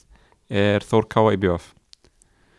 mér finnst þetta fáránlega áhugaverið leikur mér finnst það þetta líka mér finnst þetta bara ógeðslega spennandi leikur Liggu ef maður þurft að skella sér norður á leikin sko. hefur að fara í alveg Ég kemst reyndar ekki ég En hérna, en maður fylgist vel með fer það bara einn, ég Já. keiri það bara einn og, og hérna eða, og sinni heimavinnunni Aleit Róa bátnum hjóla kannski Aleit Herðu, uh, ég ætla að enda 4-2 Þórkáfa Já uh, Ég held að IBVF ætlar að reyna að vera þéttari hmm. Captain Obvious hérna Ætla að reyna að vera þetta Þetta ætla að reyna það Nei, bara þú veist uh, bara eru stelpur, við erum bara þéttar Já. pungum þessu bara fram og látum mýju bara hlaupa og bara þú veist lokum þessu bara 1-0 og förum svo bara til eiga og, og höfum gaman skilur ég held þetta fari vámar að því að þú veist get sko ég ætla að reyna að útskýra þetta í orðum Mm. það hvernig þú metur eitthvað lið getur verið skilur frá segjum, segjum, þetta, sé, segjum þetta lið sem er 75% getu Mhm. og þú veist ekki hvort að þetta þú veist svona að þetta er svona frá 40 til 90% geta Mhm. og bæði liðin eru þar og annað liðið er öruglega 40% geta og hitt liðið er 90% geta já, já, já. ég held að annað liðið sé töluvert betra heldur en hitt liðið en ég veit ekki hvort liðið skilur þannig að ég held að IBVF tapi 3-1 já að það- við erum beis, nánast með sömu spanna að Þór Ká að vinni með sagði þú þú tvek- komið að vinna tveggja marka mun já, Ó, ok, þá ætla ég að segja að IPVAF vinni 3-1 Vá, hvað er auðvelt að sveifla þér hann að milli Já, af því ég veit ekki neitt um Já, þessi lið já. IPVAF vinnur 3-1 og Daniel skora 2 og Fatma Kara 1 ok, Og Mér Herðu. hleypar hann eitthvað í kringu það þá ætlum við að skipta yfir í eigabitadeldina, Bæn, bang bang hvernig gekk þar? umulega Alveg umulega Ég er reyndar, ég er 10 stegum yfir meðaldali Já, Meðaldali 36 steg Það er það ömurlegt. segir okkur ímislegt sko og, og ég vissi að ég myndi komingað inn og ég vissi að ég myndi hugsa eitthvað, oh, ég veist, ég var svo nála eitthvað svona skilur Mm. ég bara hjarð hegðunin stýriði mér of mikið og vittleisiskangurinn minn eigin vittleisiskangur stýriði mér of mikið og hvað það er perandi verð 40-60, hvað veist þú? Ég er með 55 Já, já. samt sko, þú veist, ég veit ekki hvar ég fekk þessi 55 stig sko nei, nei kannastu við svona umferðir þar sem maður kíkir á liðið sitt og maður hugsar ég get ekki verið með svona mörg stig Já, Þú veist, já. það er bara, já, við, við hversu margir tvistar og ásar eru hérna í liðinu sko hann helmingurinn á stegunum kemur frá tveimur sóknumunum Já, þannig að ég hérna þú veist, alltaf aðeins að klappa sjálfum mér á baki hérna, ég seldi Óttar Magnús bara korteri fyrir mót já. tók inn Stephen Lennon sem að var allt í öllu í FH-liðinu, gerði tvö mörk og lagði upp sjálfsmarkið þannig í Já. lokin því líkt ánæður með það en að sama skapi þú veist, síðan það sem gerist eftir á það er maður náttúrulega alltaf pínu svektur að uh, hafa ekki sett bandið á hann já, já en hann fær 16 stík og bara veistla Þú varst aldrei að vera að setja bandið á Stephen Lennon úti á móti HK og fram yfir Mikkelsen heima á móti gróttu Nei, eða Hilmar þarna það heima á bara móti- var ekki að fara að Það gera var- þú veist, þetta, þetta var ekki einu sinni nálægt þú Nei, nei, veist, þannig að ég maður ætla getur ekki sagt ekkert einu svona ekkert einu svona að reyna að Nei. halda því fram sko. en þú varst með hann, já, já. fegst 16 stig sem Mhm. er geðveikt Mm og, og þú gerðir það sem að við hinir áttum að gera og, og þetta er svo pyrrandi og bara ég er svo fúll mm. ég var svo nálægt ég var svo nálægt í að hafa hann Ó, ég, bara, ég þóli ekki að koma hérna eins og einhver gúrka og vera eitthvað svona ef og hefði og vitur eftir á já. en djöfull er maður vitur eftir á með þetta Hvað hérna, þú varst með Mikkelsen og Pedersen já, já. ég beilaði Ótta Magnús tók Patrik Pedersen og Mikkelsen bara, þú veist, já, ég held ég hef aldrei verið að fara ég var aldrei að fara að sleppa þeim Nei. en ég veit það ekki eða þú veist, jú kannski, ég veit það ekki og þetta er bara ömurlegt, ömurlegt og Patrik Pedersen með tvö stig ég veit ekki hvernig við ætlum að byggja þennan þátt upp, þú ætlar að sjá um það ég ætla að býða hans með að töðu við Patrik Pedersen þangað til að þú, þú gefur mig grænt ljós Ég segi við förum yfir hérna, stíin okkar já, og svo förum við yfir leikina ok, uh, Ég var með Lennon um 16 stík Mikkelsen fengt náttúrulega 6 en sem sagt þá 12 sem fyrirliði já, uh, Ágúst Lins með 2 Axel Sigurður með 2 Sigur Eitt Lárusson með 2 uh, Hilmar Átni með 9 stig bara fasti liðin eins og vennilega solid markur aukarspunni uh, Kitty Jóns með 6 Rasmus með 1 fór meittur út af það var skellur uh, Orri Sigurður Ómarsson með 2 Ástbjörn kom inn á með 0 Já. og Hákon í markinu með 3 já 55 stig bara allt í læ allt í lagi, bara allt, nei, hvernig var það allt í lagi ekki gott Uh, já, ég var með Thomas Mikkelsen, Patrik Pedersen uh, tvö stig Sigur Egil tvö stig, Axel Sigurar tvö stig, Ágúst Lins tvö stig Hilmar Átni Fyrirliði uh, Átjón, þess að nýju já, uh, Orri Sigurður tvö stig Heiðar Ægis fimm stig þarna er skemmtilegt að það sést í lokin mm ég endaði með Elvar Frey í breyðablík já, já, ég tók hann inn á síðustu stundu og ég ætlaði eitthvað að vera nettur og standa upp mér er svo illt í rassinum, ég er búin að hjóla svo mikið en hérna ég endaði með Elvar Frey og mér, ég er svolítið sáttuð bara með það pikk Já. hann fekk 6 stig og bara flott mm uh, Aron í markinu, eitt stig og uh, mögulega hefði hann bara fengið bónustig hefði hefði haldið já Varði þetta nú haldið mjög þetta út hann hefði kannski enda bara með fjögur eða fimm já, ég horfði á leikinn, mér fannst mjög erfitt að alltaf fara að pikka einhvern út, jú, mér reyndar minn maður Haldur Orri var mjög góður Já. en svona, fyrir utan það, fannst mér erfitt að pikka einhvern út sem hann stóð sér vel í leiknum sko. en svo vantar eitt leikmann sem ég á eftir að segja hann fekk 0 stig mm. var í byrjunlið hjá mér mm. kom inn á, hann byrjaði út af, kom inn á fekk guldspjald, Mm. Dofri Snorrason já, hvað er ég að gera með Dofra í liðinu mínu Ég- Getur einhver sagt ekki mér veit það? ég það ég hérna, oh, þú varst ekki búin að pitcha því, varpa því fram hérna í þætti hjá okkur þannig ég gæti ekki gaggrínt það val þetta var bara eitt af þessum panik sko ég tók Elva Frey og Dofra í algjöru paniki já, og Sigur Egil algjöru paniki ég var hérna bara þetta er samt fullt af pening í investa í þessum leikmönnum sko þú veist, hvað hva, hvar ég varst að selja ef að þú veist, varstu með Valdimar eða ég maður það ekki, ég Nei. var með Kitta Jóns já, seldi Kitta Jóns og seldur gitta já, mér, var- mér leiði illa að ég var ekki spenntur fyrir þessum valsleik nei, ég hugsaði að Valur, Valur getur alveg skora samt var ég búin að spáði að, Valur- að Káur myndi vinna 1-0 eða ekki Já. sagði ég það ekki síðast að þetta jú, ég held það, 1-0 Sigur Káur eða Káur vinnur með einu já, alveg galið sko, en tók Elvar sem fekk 60 líka já, uh, Andri Rafn Jóman þú veist, ég var með hann bara kortir fyrir hann fekk 6 stig, mm Mhm. -hmm. djúlar hann ógeðslega góður hvað með Kvíreindar fekk 1 stig þú veist, það er kannski ekki, Já. ekki sniðast að pikið Dofri ég held bara innilega að Arna Gunnlaugs vildi ekki hafa Loga Tómasson í byrjunleginu sínu já, og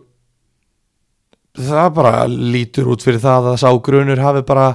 alveg haft rétt á sér já hann leita ekki vel út hann í jörnumarkinu það bara, úf, maður, þetta var bara fjórðaflagsmark já, svolítið Þetta er svona eitthvað sem að meira segja sko bélistrákar eins og ég voru að gera í fjólaflokki ég, ég sá ekki mikið af alistrákum gera þetta í fjólaflokki þetta var hrikalega illa tímasett og hérna kannski kostaði það ekki beint markið af því það var alveg ímislegt sem þurfti að gerast já, það hefði alveg maður að treynsa þessu eða þú veist, bara ekki skora svona ógæslega mark en, en hérna, já, Dofri hann þarf að yfirgefa liðið mitt til því snarasta hvað kostar hann sér, 5,5 5,5 þetta er bara fáralegt herru, þá hlaupum þá rætt yfir leikina Eh, Valur Káur, náttúrulega búið að tala endalaust um þetta, Káur vinnur 1-0 mér langar að koma með eina pælingu skiptir ekki máli hvað þú ert með eitrað sóknarlínu Káur er alltaf mót eitrið Ó, ég fæ svo kaldan hroll þegar þú segir sem þú að þetta er svo hvað en hérna ertu ekki hvar- sammála því? Ég meina- Nei, getum við erum aðeins stoppa Já, þetta Hvar varstu stattur þegar þú komst upp með þetta og svona, þú veist, hvernig varstu, hvernig varstu í hvernig fíling varstu? ég bara manna ekki Þetta sko. er bara nývaknaður á sunnudegi bara, mm, ég ætla að segja þetta ég ætla að segja þetta á miðvikudaginn Nei, En þetta er staðar alveg það, rétt. það er engin betri ég er bara nútrúlega þessa leiki þú veist, drepa tempói Alveg rétt, og bara, ta, þú veist, bara klára leikina En nei, ég er alveg og sammála eins og Tómas Þór saði hérna í innkastinu í gær bara ef Kári eitt nú lifir í háluleik þá þar líkum við ekki að spila setni háluleikið Nei, þannig að hérna þú ert með Patrik, ertu eitthvað að pælja að selja hann nei fyrir að gróttu í næsta leik Já, ég get ekki selt hann fyrir gróttu í næsta leik, sko Sigur Egil Mér langar að selja hann já, en ég get ekki selt valsmann uh, Vá, hvað það var stórt geisp Frábært útvarp Já. Ég get ekki selt valsmann fyrir leika múti gróttu já, samanlega Ég bara get það og við náttúrulega tölum um það í síðasta ætti við vorum að kaupa valsarna á þú veist, á þeim fórsendum að prógramið sér tæki við eftir Kári leikin og það er núna grótta HKIA ekki Já, ég var ekki að kaupa Sigur Egil til þess að gera eitthvað glóriur á múti káir sko. Nei, og hérna, ekki það að ég hef sko enga trú trú á því að hann muni fá fleiri en tvö stig eða jú, þrjú þeir haldur öll á hreinu Mm. fleiri en þrjú stig á móti gróttu Ok. enga trú á því að hann muni koma að einhverjum mörgum Það að setja hann á bekkin geng kannski ekki það langt að setja Sigur Þrannar Þorstensson inn á fyrir Sigur Egil Nei en nei, ég bara, þú veist ég er ekki í, ég er ekki bjarsið, þú veist mér- ég fer ekki vel gýraður inn í þennan leik fyrir höndu valsmanna Ok Já, ég var með Kitta, náttúrulega Rasmus og Orra, þessi leikur fór ekki sérstaklega fyrir mig og, Nei. og náttúrulega Sigga þannig að hérna fyrir fjóra leikmenn er ég samtals að fá 11 stík ekki gott nei, en svo en hérna Kitti heldur hreinu og skila sínu eins og vennilega alltaf skila hann sínu Patrik Pedersen reyndar klúðraði sko tveimur, ein, einu til tveimur döðafærum Já. eða svona. þetta eru döðafæri fyrir hann allavega Beitir var ógislega góður í leiknum fekk hérna já, tvö bónustig þannig að hérna ég veit ekki, það er svona ég er náttúrulega með hákun í markinu og ef ég finn einhver staðar tvær miljonir til að uppgreita í beitir þá myndi ég alveg pæli því sko ég þarf eiginlega að gera það sko Já, þú veist, mér Já. langar bara svo mikið að hafa hann það er svo Já. gaman að hafa hann þarna bara svífandi um með hendurna sínar eitthvað og, Já, líka þegar Káur er að spila svona og Lú- Lúkas getið spilað í marga daga á þess að fá þessi mark sko já, já. nákvæmlega Herðu, já, uh, eitthvað meira úr Val Káur Uh, já, bara sko, bara með framtíðina skilur við út af því að Finnur Tómas og, Ar og Arnum Sveit fara báðir meittir út af. Já,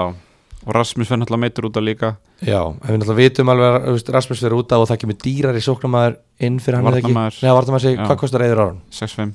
Þú veist, þannig að ef þú varst með Rasmus, það er,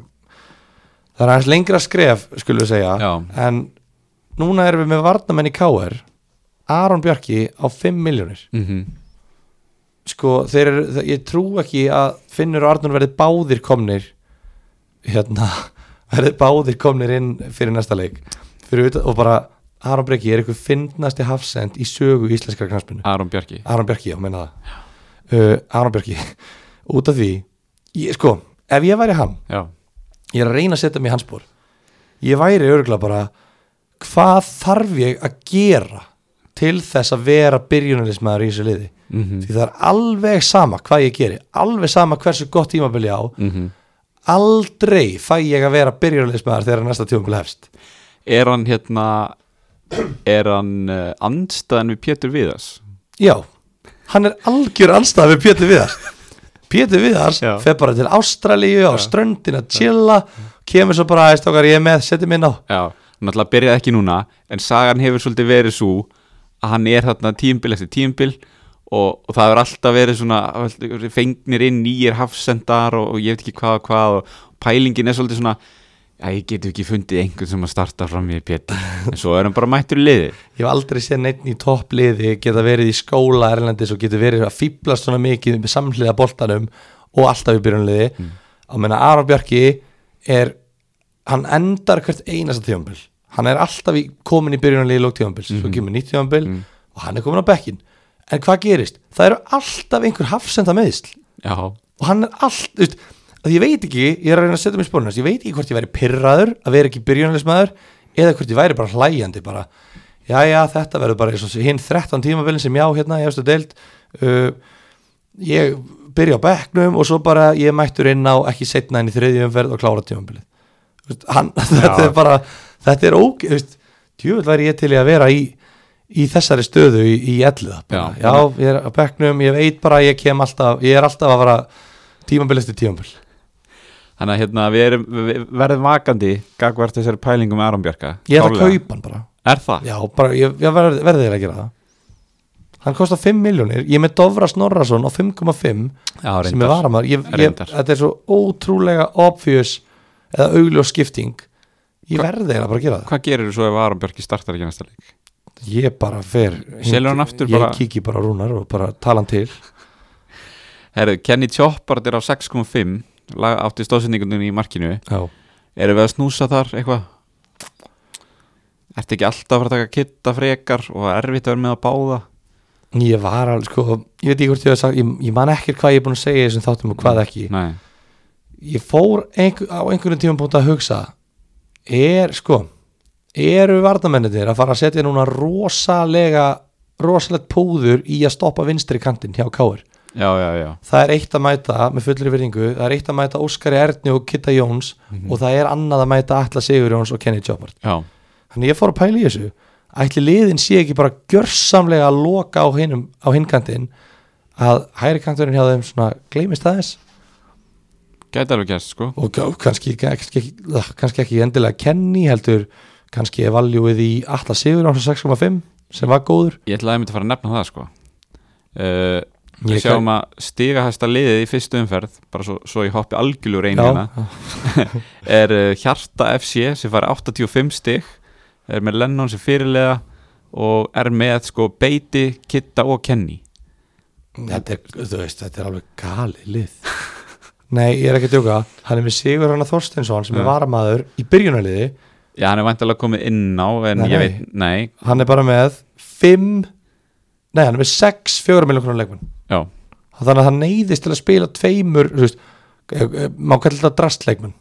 já, já Hann má- Hann neyðist til að spila tveimur eh, leikmönnum að drastlverði allavega Sigur Hanna er þetta að koma inn á og hefði getað skorað og Óli, þetta er ekki Óli Valur í stjörnunni Jú, sem að já, hann fær ekki mínútur á næstunni allavega því að stjarnan er með átta vardamenn þarna sem er á undan honum Já. hann er níundi vardamæður í stjörnunni þannig að bara ég óskur um allsins besta þannig að hann er, bara, hann er að spila á nýju leikmunum hann er stegastur í, lið- í, á landinu já með þrjá varnarlega í Káar hvað þvæla er þetta? Þetta er samt, e, þetta gæti verið einhver pæling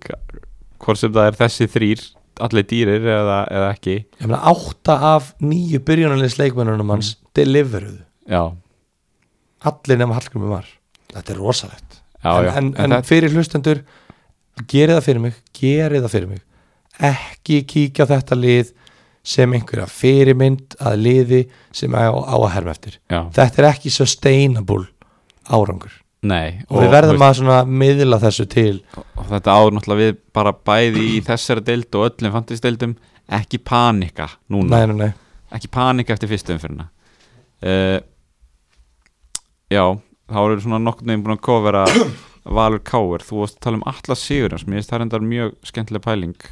Þú veist, þetta er aldrei einhver leikmaður tímabilsins eins og var eitthvað að vera að ræða en hann, hann gæti alveg skiluru verið fastu byrjunarleismæður og hann er á 6 sko, hann er ekki á 6.5 hann er á Ú, 6, sex, já. þannig að hérna 8% meðan spilur á kantinum hjá Káar já Vist, þetta gæti alveg klálega verið eitthvað sko Þetta er eitthvað til að fylgjast með alveg klárlega sko, Já. og bara, þú veist, ég verð ekkert fúll út í þá sem að ætla að taka hérna, taka sjansin áður en að gera neitt, Nei. en ég væri alveg til í að sjá hann kannski leggja upp eitt mark á tímabilinu áður en ég fer eitthvað að hoppa á hann já, já, já uh, næsti leikur var hérna mm, HK FH, nei næsti Jú, það er ekki leikur í- sem kom á eftir því var náttúrulega skæin af því að HK FH var færður bara- Já, já, já, Þannig, hérna- bara eins og þú vilt hafa þetta Já, það er náttúrulega ég ætlaði kannski að opna þá pælingu og bara, þú veist það er náttúrulega skandall að ég sé ekki með Stefan Teit í liðinu mínu ég er einhver harðasti Stefan Teits maður í landsinn sko, Já, það. já, ég náttúrulega fór á nokkra leiki með skaganum í fyrra og það er bara unun að horfa á hann að gæja að spila Fórst í fermingunum hans Nei, ég fór ekki í hana okay. Það er bara að Veit pæla þú ekki veist, hvað pæling það Þú var sagðist vera harðasti Stefán Teitmaður landsins Þú veist, þá lítur að fara í fermingu hjá honum Eða hvað meina, þetta er bara pæling Slaka á En hérna, hann gerir tvö mörg og er valinn besti leikmaður umferðarinnar Já, já skils mér uh, eina er hann er á 7,5 Já, þetta er erfitt sko ég svo var, kemur annað já, Er þetta sustainable? Við verðum alltaf að spyrja um okkur ég held reyndar ekki eins góður og hann er þá er ég ekki viss um að sé að fara að skora meira en 6 til 8 mörki sem er Skoraði hann ekki eitt marki í fyrra? Jú, Ég meina, þar hefur það já, Þú meina, og hann var í sama hlutverki held ég, ég held að hann sé ekkert búin að færa snett framar ég held að hann sé bara þarna að dreifa spilinu svona einhvers konar sexa skástrík átta já, já þú veist, hann er að klára hlaupin í teig og svona en, en hann er satt bara að stjórna spilinu hann er að mínu viti langbesti fótboltamaðurinn í þessu liði mm eða svona bara, þú veist, tæk, þú veist já, já, ég veit hvað, sendingar og veit tækla hvað hann er hann er svona, þú veist, hann er all þú veist, hann er svo gelgjulegur inn á vellinum líka ég er svona, svona pyrra mig sko aðjafnaði, þetta pyrra mig að sjá svona svona ókýrslega yktar handarhefingar og eitthvað svona ú, ég ætla að þangað, eitthvað svona en hérna, en ef þetta virkar þá náttúrulega er ekki takt að vera heitir, skýrðu Nei, nei, en veistu hvað er að tala um já Þetta- þetta þetta er, þetta er finnst þér ekki, þetta þetta er alveg pyrrað að horfa á þetta skýrðu, Já, ég, kannski er ég bara þú veist, hann er þessi hérna- þegar hann teist maður landsins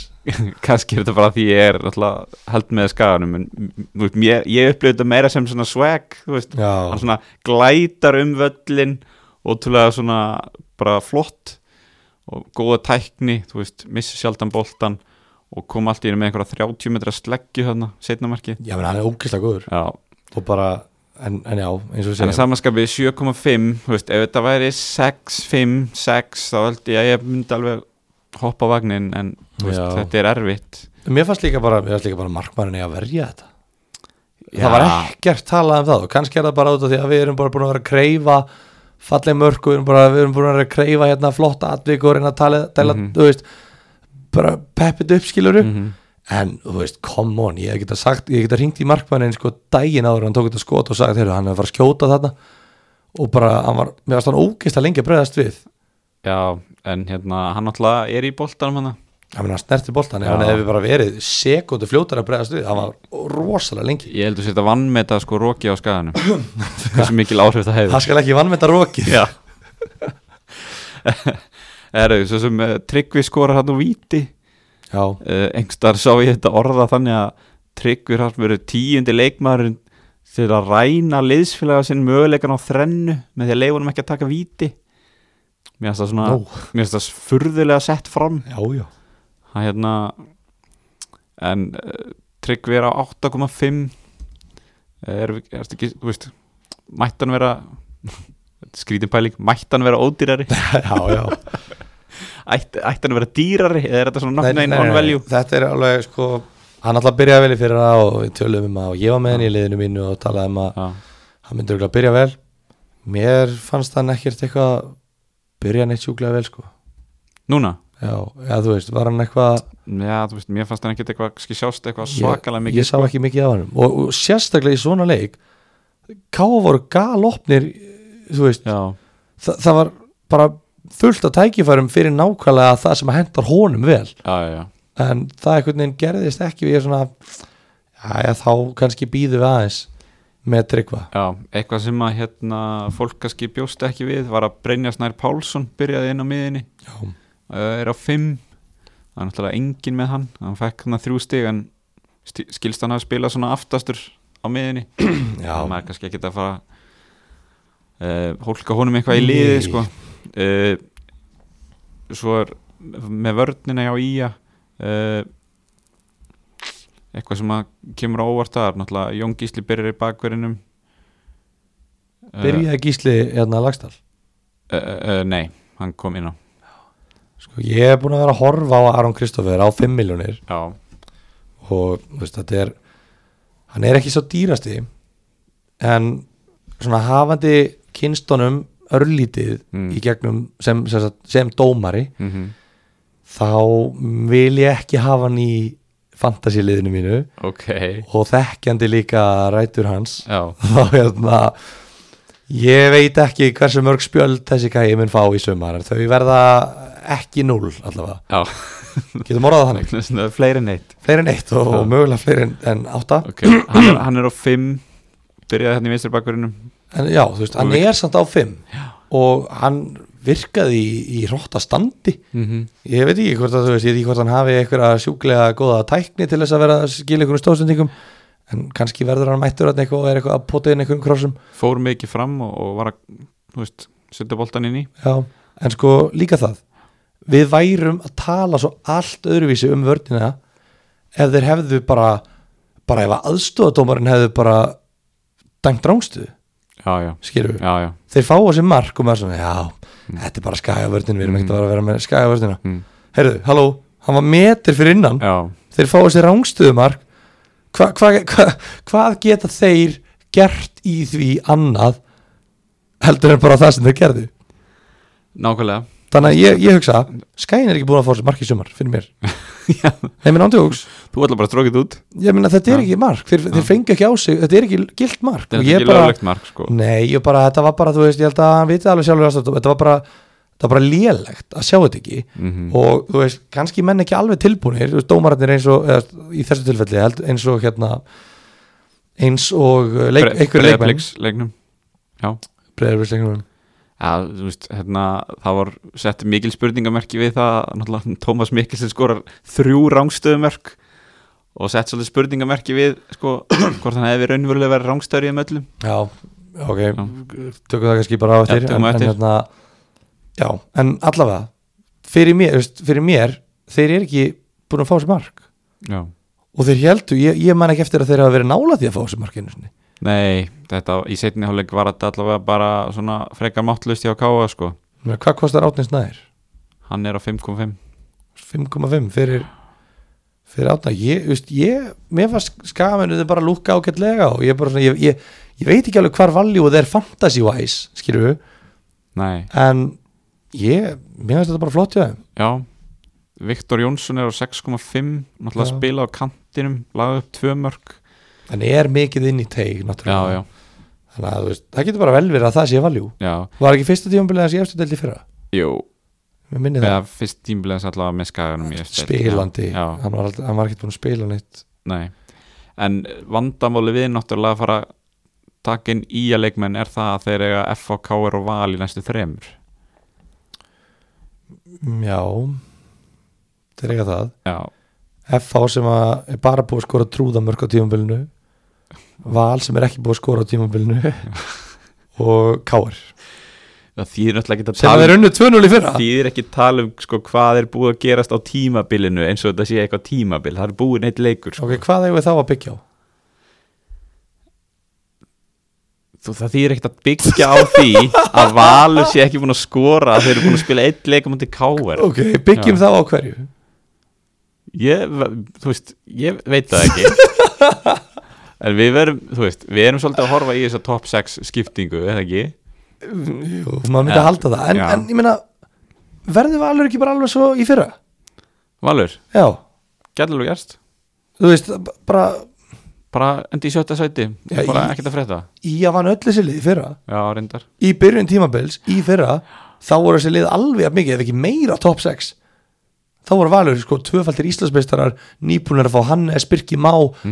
þeir voru búnir að vinna deild ég, ég sagði, ég öskraði út á götu það þarf ekki að spila Pepsi deildina 2019, já, já, maður öskraði það já Heru, vann ekki í það, jú, ég held það þeir unnu, 1-0. alltaf, unnu á valsvellinum 2-1 Já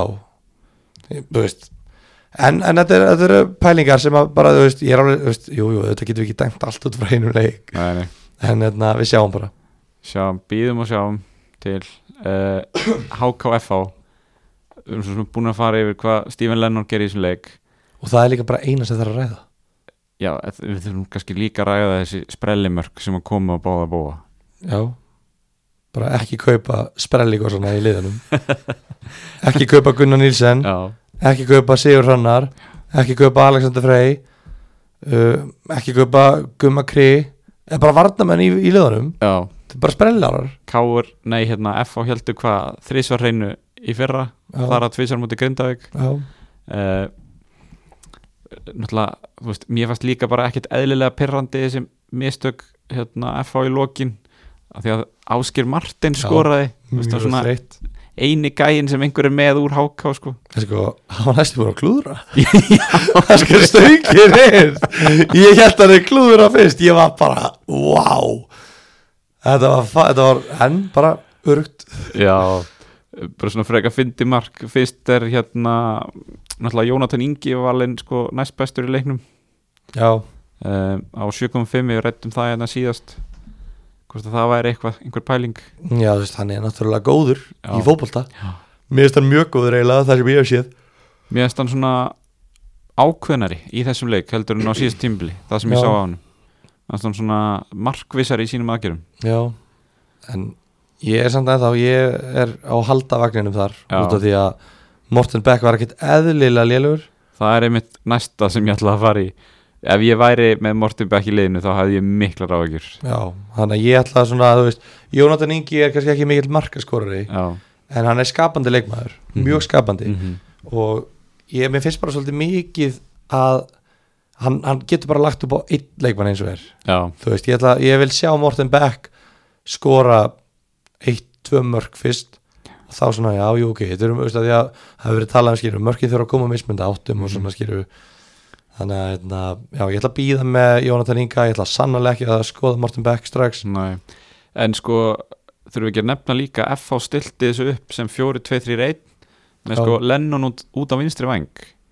Eh, gera þér þetta ekki alltaf eða? hann hefur náttúrulega líka verið fremsti, var fremsti maður þegar að þanga til Morten Beck kom í fyrra en var hann ekki að drita inn í fyrra eftir að Morten Beck kom Jú Þegar- ja, ég, þú veist, skoraði mikið í fyrra ég mann svo sem ekki hvort það var fyrir eða eftir hans komu sko. Nei, ég manna ekki En- nákvæmlega en Nei, hann deliverar af vinstikantinum þá er sko mögulega upplegi hjá þeim að koma boltan út á hæri á Jónatan Lennon hleypurinn í teig og þeir fylla tegin með þessum tveim frammerjum já, og svo einhvern í seinni bylginni já, þú veist, en, en þú ert ekki að fara flengjunum inni á Lennon og hvað hann að vinna skallabólta og skallan inn Nei, að heyrða seinni boltana eða já, eitthvað já menn mögulega skilur, þú veist, þú að minna hann er að delivera hann er komin í Já. 16 stig Já, og bara, bara er hann ekki stigastur í umfyrinni Jú, bara, stigastur í dildinni, svo far bara geggja því á honum og, hérna, og við byggjum alltaf bara það á fyrsta leik og allir að kaupa Já, hann því sem búið að gerast á tímabilinu eins og þú orðaði það uh, já, já. það er bara svo það er Já, já Herðu, ok, uh, vikingur fjölnir glataða leikur maður 1-1 oh, ég, ég veit það ekki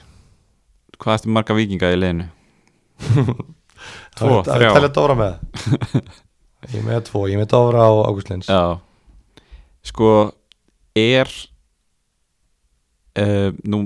líður mér eins og svona rosalega margir séu með Ágúst Lins Hann er með 30,44%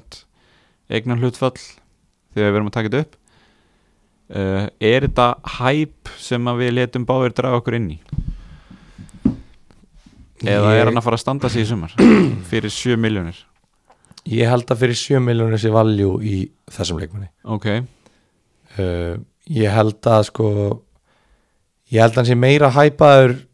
kannski sem uh, kannski sem leikmaður já, en ég held að fantasílega séð sé hann bara ekki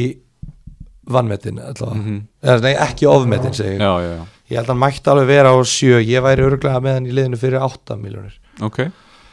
Uh, þannig að ég, er svona, ég ætla að halda hann áfram út að, meni, hann tekur fyrst leikadrið, hann er hann hann spilar alla leiki Mhm. hann er, þú veist 50-70 leikmaður á blað hjá þeim mm -hmm. um, það er gjörsamlega óþólandi hvað hann tekur aldrei minni en þrjá snertingar helst ekki minni en svona 15 Já, og bara og núna vil ég bara þú veist, ég vil bara að það fari bara strax, skilur við bara, ég, ég vil bara að það, það, hann veri kallar á fund bara að mér eða Arnar eða einhverjum Mhm. er, við, við erum að losna við þetta strax þú veist, Já. þetta er eitthvað sem hann, þetta, þetta er vendar svona leikmaður þetta hefur verið svona hans treyt alla æfi örgulega, Mhm. þú veist bara frá því í sjöundaflokki, bara Mhm. klappa boltanum endalaust en þetta var svo fyrirsjáanlegt og þetta er svo Mhm. þetta er svo mikið bara, þetta er svo ógeðslega mikið og flókið og bara eiginlega bara leiðilegt að horfa á þetta já uh, Óttan Magnús skorur hann að beintur aukarspinnu stemmi í leiknum þá hugsaði maður goddammit, þú veist, ég var að selja hann gati heimilt Já, þú veist og, og maður, við vorum búin að tala hérna um að það væri fyrirsjánlegt að hann myndi hendi í þrennu í fyrsta leik sem svo gerist ekki því þeir skora ekki tveir mörk í leiknum nei, nei, en hann, mér fannst hann vaða í færum Já, þannig séð, miðað Já, við já. hvað vikingandi voru lélegir já, já, og hvað er sköpuðu sér lítið hann fekk samt fjögur góð færi þegar boltinn dettur þetta fyrir hann í tegna hann, eða hann sólar Já, eitthvað já. svona klafs já, og hann svona potar hann fram hjá hann svona, ah, átt þú ekki alveg að geta hitt á marki þarna og þegar hann kemur í utan og hlaupið yfir held í ágúst já og skýtur fram hjá þetta var bara svona skallin í lokin Já, sem er alltaf velvarinn sko. já, en þú veist ég er að tala um skilur bara færin sem hann er að fá Þetta eru Já. fjö, þessi- hann hefði hef getað skorað fjögur mörg á góðum degi algjörlega en, en ána, ég er ekki með hann heldur og þetta mark sem hann skoraði er náttúrulega sprellimark þú veist, þetta er bara þ- þú, bara, þú veist lélegt hjá alla markmanni Mhm. lélegur vekkur og bara eða galin vekkur mm og aldrei aftur munum við sjá svona illa uppstiltan vekk í aukarspennum sem að uh, náttamagnastegum vonandi ekki ekki á öðrum markmunum og heldur ekki setni leikrum hjá, hjá hérna, alla og fyrir Nei uh, Ef, nú er hvorur okkar með 8 Magnús í liðinu ef, að, ef þú værir sitt, ef þú værir með hann, þá værir ekkert að panika þú veist Nei, nei, ég meina, hann skoraði Já, 6 stíg, bara jafn mikið og Thomas Mikkelsen og meira en Patrik Pedersen já, og, já og Morten Beck mm Eða káa úti í næsta leik kartöflugarðinum Já, ég var að hérna sama og ég var að tala um í hérna, viðtalinu Exit Já, í morgun já. að bara þetta mér finnst þetta rosalega stór leikur fyrir bæðilið Já það er bara risa stór leikur mm og bara ég veit ekkert hvað er að fara að gerast um, Eitthvað meira úr við kannski þurfum að ræða fjölni komið þeir þeirra á óvart Já, já, ég verið að segja þeir komið mér á óvart ég allavega gerði það nú uh, ánæður að sjá bara hans og torfa í miðverðin þetta er svona mér finnst svona svolítið, mér líður þess að ég hafi alist svolítið upp með þeim Já, út af því að svona, þú veist, maður náttúrulega árbanum, þetta er svona nálagt gráfóin og svona þeir eru einu og fjórum árum yngri en ég. Torfinn náttúrulega er 99 mótel já, og hann, lí- og hann málið er, ekki bara lítur hann út eins og hann sé svona 37 ára hann hefur lítið hann út síðan hann var í sjötta bekk ég er ekki að grínast, síðan hann var svona 11 ára Já. þá bara svona, já, hver er þessi 25 ára maður, er þetta stuðnisfulltrúi í skólanum hann er ekkert eðlilega fullorinn og, hérna, og þeir, þeir í hafsendunum að því að ég var svona að koma upp í, í Pepsi-deldinni sem dómari þegar að fjölnir og þeir voru að koma upp sem hafsendar já, já, og já. ég var alltaf eitthvað svona rottast við línuna þeirra alltaf eitthvað svona stríða þeim svona flakki ekki rángstöð þegar þeir voru að byggja um það flakka aukaspötnu þegar þeir vildi ekki þessu alltaf svona strípara strákar að- svona vinir að stríða hvort öðrum bara bandir í strákunum alltaf vinir samt, alltaf stríða hvort öðru samt alltaf vinir, það var svona þannig í- moment sko og hérna já já, þú veist, mér veist þetta bara ótrúlega gaman og þau voru flottir, Hansi geggjaður uh, og bara, bara flott hjá þeim sko vel Eh. gert að ná þessari framistöðu út úr þessum óreinda og unga hóp Já, uh, Arnó Breki skora markið, Varnamar á 5 já, uh, starta hann ekki vinstri bak veistu það? jú, jú. í fimm, nei fjórum hana Já, í fjármanna eða fimm hana Já, ein- ég, þú veist, skiptir svona mikið Já, máli ég bara- En uh, er ekki rétt munið hjá mér að þú varst að eitthvað að nefna hann leikmann hérna jú, heldur betur Já, og við kannski lítum tilbaka nei, ég er ekki með neitt lítum tilbaka núna en við gætum lítið tilbaka á lið s- hjá mér sem innihjalt Arnur Breka, Stephen Lennon, eh, Valdimar já, Þór Ingi Myndarsson og fleiri og fleiri og fleiri en hérna Beiti, Kitta Jóns, alveg galið Gæti verið eitthvað, einhver, eitthvað pikk hérna í fjölni já, samt, þú veist. En, þú veist, þeir eiga stjórnum og breyðafleikin eftir tveim Já, já, ég myndi bara býða með þetta já, ég held að fyrsti leikur og svona en, en eitt sem er fyndið, mm, Hans Viktor mm. hann kostar 6,5 miljónir og hann er miðjumæður hann er að spila sem afsend Já, hann var ekki í stig fyrir hreint lag já, og hann kostar 6,5 hann var bara stig fyrir að skora og leggja upp og hann er afsend þetta eru verstu kaup sem þú getur gert í fantasy-deildinni og þú eins og ert, hann er flottur þú ert að beina þessu að þeim eh, 1,58% þjóðurinnar um sem að eru með hann sem er náttúrulega hann sjálfur mm, og þeir sem að gerðu lið áður en beggi hætti Já, og hafa ekkert pælt í þessu neitt meira Nei uh, Nei, nei, ég held að þessum ekkert meira úr þessum leik eða úr fjölnisliðinu sem að þarf að eitthvað að nefna sko. minn maður Viktor Andri á 4 miljónir kom inn á Já, Uh, og Vilhjálmur Yngvi líka varnamar á fjórum miljónir þannig að ef ykkur vantar ef, ef maður er vælkarta eða eitthvað skilur já, já taka þessa leikmenn, Gabriel Hrannar í gróttu fjórar Sigurður Hrannar í Ía 4,5 mm uh, hérna, Ísak í stjörnunni á fjórar Já. miðumar, finna þessa leikmenn núna skoða hvað, þú veist, til þess að það getur skipt sköpum að hafa það á bekknum að koma inn á Já Algjörlega, herru, næsti leikur breyðablík gróta uh, Þú helst þig ekki við andrar njóman eða hvað? nei, Nei, og ekki hvað með ký heldur nei, Ok, hún svona ég er bara með Tómas Mikkelsen og, og Elvar Já, ég er bara með Mikkelsen og svo var ég náttúrulega með þrjá gróttumenn já, alveg rétt það er rosalegt, Það er eiginlega galið En hérna En ég er enda líka Já en ég var með tvo þeirra á bekknum En hérna Tómas eins og við sögðum á hann Skorar þrennu Rangstöðu þrennu já, Skorar fjögumörk í leiknum og bara eitt telur Þegar maður er með fyrirliða bandi á svona manni Þá er þetta ekkert eðla þreytt Þetta var mjög þreytandi og bara já, En eins og einhver sagði Hann er svona svolítið Pippo Insaki Hann er rangstæður í nýju tilvikum að tíu en í þetta eina skipti þá skorur hann Er það ekki bara jákvætt eða? ég held að sé bara, ég- svo er líka sko það má ekki bara setja þetta á hann stundum voru þeir bara öllítið og seinir að koma með sendingarnar já, já, þannig að Algjörlega. hérna, en það, ég myndi klálega að telja þetta bara sem jákvætt að því að, þú veist, einhver tíman sleppur hann í gegn og skorar og það er löglegt eða og einhver tíman missir aðstofa dómarinn aðeins af þessu já. Sko málega er, me- má ég koma með smár, bara mínútur hann Mhm. um, um þetta, því ég er búin að setja á þessu núna í sko, tíu ára eitthvað sinni byrja að dæma Mm. það, sko sóknar maður nýtu vafans í knarspinulögunum Mhm. þannig að ef aðstofdómari er í vafa þá á ekki að flagga rangstuð þá dæmi, á leifum maður markinu að standa Mhm. eins og var gert í markinu sem Káa skóraði mm -hmm. þar var augljóslega vafi og úr því sem komið var, fyrst það var vafi sem Mhm. Já. átti ekki að vera, já, en fyrst það var vafi þá er vel gert að flagga ekki já, ok, svo flagga aðstofadómar rangstuðu þegar þeir tel, sko, og íslenskir aðstofadómarar verða að átta sig á því að þeir eru í vafa með meira heldur en þeir eru mm -hmm. menn eru allt og graðir að flagga og ætla sig ekki að missa af neinu mhm, og hérna og bara flagga, flagga, flagga, telja sig alveg vera 100% en þeir eru ekki nálætti því það er allt og mikið af rángstöðum sem er búið til á Íslandi sem er ekki rángstöður Mhm. en úr því sem komið er ef það er dæmt, dæmt rángstæða þá þóli ég ekki þegar að sjónarsmenn og, og, og fjölmjölmenn sem eru að fjalla um þetta er eitthvað svona ú, þetta er tæft var þetta nokkuð rángstæða? Nei, bara til þess að reyna að vera ósammála já, já, já þegar það er búið að dæma rángstöðu þá verður aðstofadómarinn að fá að njóta vafan hjá fjölmiðlamönnum já, út af því eins og þetta, þessi þrenna ég er alveg sammála, margt af þessu var mjög tæft já, ég horfði á þetta af því ég er svo mikil dómar að perri skilju ef það er eitthvað svona tæft, ég stopp ég, ég spóla aftur í hvert einasta skipti hmm, var þetta rétt? Mm. Nei, þetta var rám og þá, svo fer ég að skoða hver var þetta sem átti þessa ákvörðun þannig að ég viti hvaða skoðanir ég hef á öllum aðstofadómurum á Íslandi Mhm. skilju, liggu við, kannski svolítið íkt en, en skilju og það er ógeðslega pyrrandi og ég veit það bara sem fyrir aðstofadómar og ég veit að allir aðstofadómar hugsa, það er ógeðslega pyrrandi að þeir fá síðan ekki njóta af hans skilju, Mhm. þeir eru að vinna við þetta skilju, að vera efastýrunum um okkur, þannig að þetta er bara þetta er þreytt, ég hef aldrei sagt þetta ópenbarlega, þannig að mér bara svona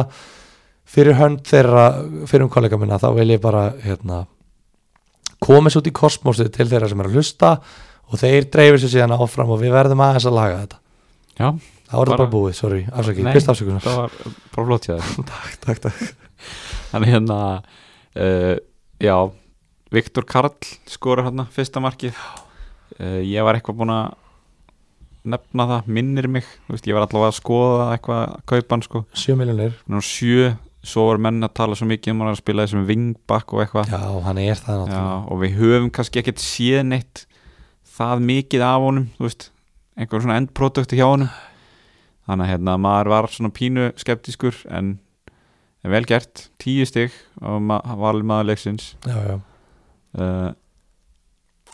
eitthvað meira þú veist, Brynjólfur er ágætur já, mér er það bara góður já, það var bara helviti segur svona heilt yfir sko bara já, ég held að við séum kannski ekki plattform til þess að fara að ræða hárgríslunans nei, það er búið að gera það nóg og svo bara líka þú veist það er bara já, hann fengi, fengi þá aðtekli sem að þarf og kannski rúmlega það já, uh, en já, bara ánæðar að breyða ekki allt reynu þeir fengu þarna, hvað Axel fekk eitt færi þetta þegar hann slapp í gegn og já eða slapp í gegn, nei, ég er að slapp ekki í gegn en ef það var einhver nála því að skora fyrir gróttu þá var það Axel Sigurar mér fannst Axel bara sprækur og ég er ekkert hérna, ekkert eitthvað veltaði fyrir mér að selja hann sko, nei, ég var mjög ánægður að vera með hann já uh, á síðustu stundu tók ég inn Gabriel Hrannar á fjóra miljónir í gróttu sem Já. byrjaði inn á já, þú náður að kaupa hann já, Ok. fekk þarna eins og, eins og sagt er á þessu, þessu miðli þá barst ættinum bref já, um að hérna um að uh, það sem að hann væri að fara að starta það sem að, að var mælt með kannski við skulum ekkert eitthvað að fara of mikið út í það en það var Nei. mælt með að við fengjum hann Mhm.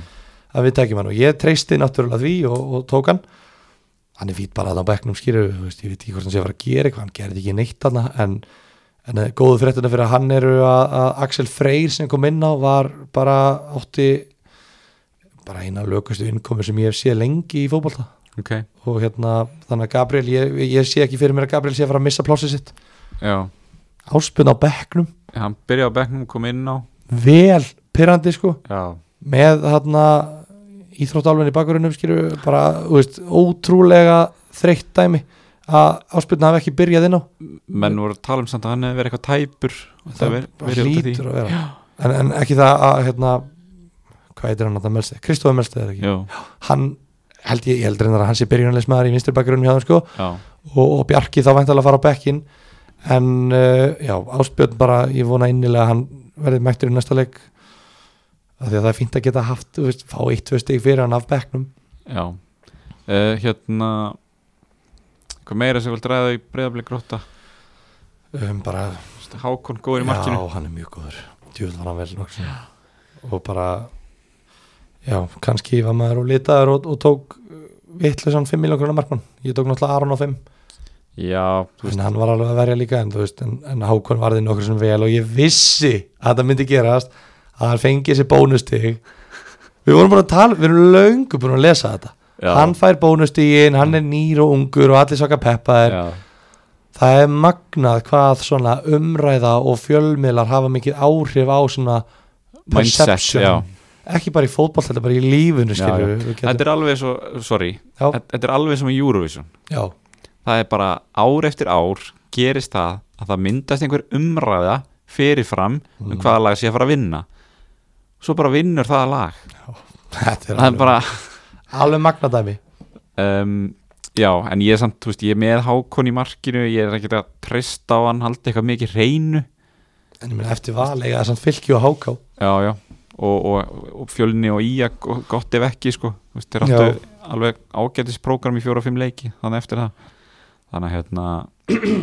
já, en ég meina ég er, þú veist, svolítið að kaupa hann upp og það að hann verji bara mikið á skotum já, já. og fá einhver bónustig Já, klálega En hvað með þú veist eins og blíkanskilur Ertu að horfa okkur fleiri sóknarlega heldur en Mikkelsen mm, sko, ekki endilega Brynjólf, það er erfitt að vera með tvo Já, sóknumenn í samanliðinu uh, ég er alveg þú veist, ef ég fi- finn að ég þurfa að selja einhvern veginn á miðunni sem að ég gæti alveg þurft að gera og næ að taka Viktor Karl þá væri ég alveg heitu fyrir því sko um, þú veist Gauði Lýðs ekki alveg kannski nei náttúrulega byrjaði ekki um, ég veit ekki, mér finnst höggi alltaf dýr á 9-5 Já, hann að vinstra megin Já. Eða svona sem í vængkantmaður Hvað sem maður vil kalla þetta sko Já. Svolítið mikið uh, Dag, Davíð Ingvars var geggjar í vördninni Já, tjúlega góður uh, spurning með að taka hann herði svona þegar ég er, ég er að skoða þetta ég er náttúrulega er með Rasmus og ég er svona pínu búin að vera að panika í vikunni sko, hvað er að fara að gerast með hann Já, þannig að ég get ekki straight swap í Davíð Ingvars líka þú veist þetta gula spjald sem að fekk þú veist, þetta, er, þetta er ekki grófu leikmaður Þetta er Nei. ekki gæði með stæla Þetta bara virkar bara, þú veist, hann virkar mjög yfirvegaður og þroskaður leikmaður og bara gæði sko já, Þú veist, það eru ykkur algjör krakki sko bara í vinnafnum hans Brynjólf Starra sko þú veist, það er bara, hann er örgulega alveg farinn en hann lúkkar rosalega svona heilstiftur já, hann var að prjóna sig inn á tegin hann að hvað eftir hann Já, bara stór hættulegur Já. ég bara, eina var, maður veit ekki hvert er hlutverk Róberts Orra í liðinu, já, er hann bara pjúra varamöður, verða þeir í ykkur rotationi er annar þeirra henduri fyrir stór lið eða lítið Mhm. lið eða bla bla bla ef, ef þetta eru bara þessi þrý, bara Damir, Elvar og Davíð þá er Davíð langbest að velju og þá þarf ég að reyna að íhuga það hvort ég ætti ekki að skipta Elvari og, og Davíð mhm. en ég er að pæla að taka Gísla Jóls á nýju fyrir, Sigur Egil, já, eftir næsta leik eftir grótleikin, já, ég bara þú veist, blikar eiga geggja prógram framöndan, já Gísli var geggjaður í þessu leik já, mjög góður bara, bara í, í orðsins öllu merkingum hann var bara geggjaður í skapinu geggjaður í framistu, bara hann var bara hann var trilltur, það það var kveikt á honum, það var kveikt á honum skulum við segja þannig að ég held svona já, ég held að hann komi bara gýraður inn í, inn í þetta tímabil og ég held að hann verði mjög góður Já, herru, uh, stjarnan fylgir já,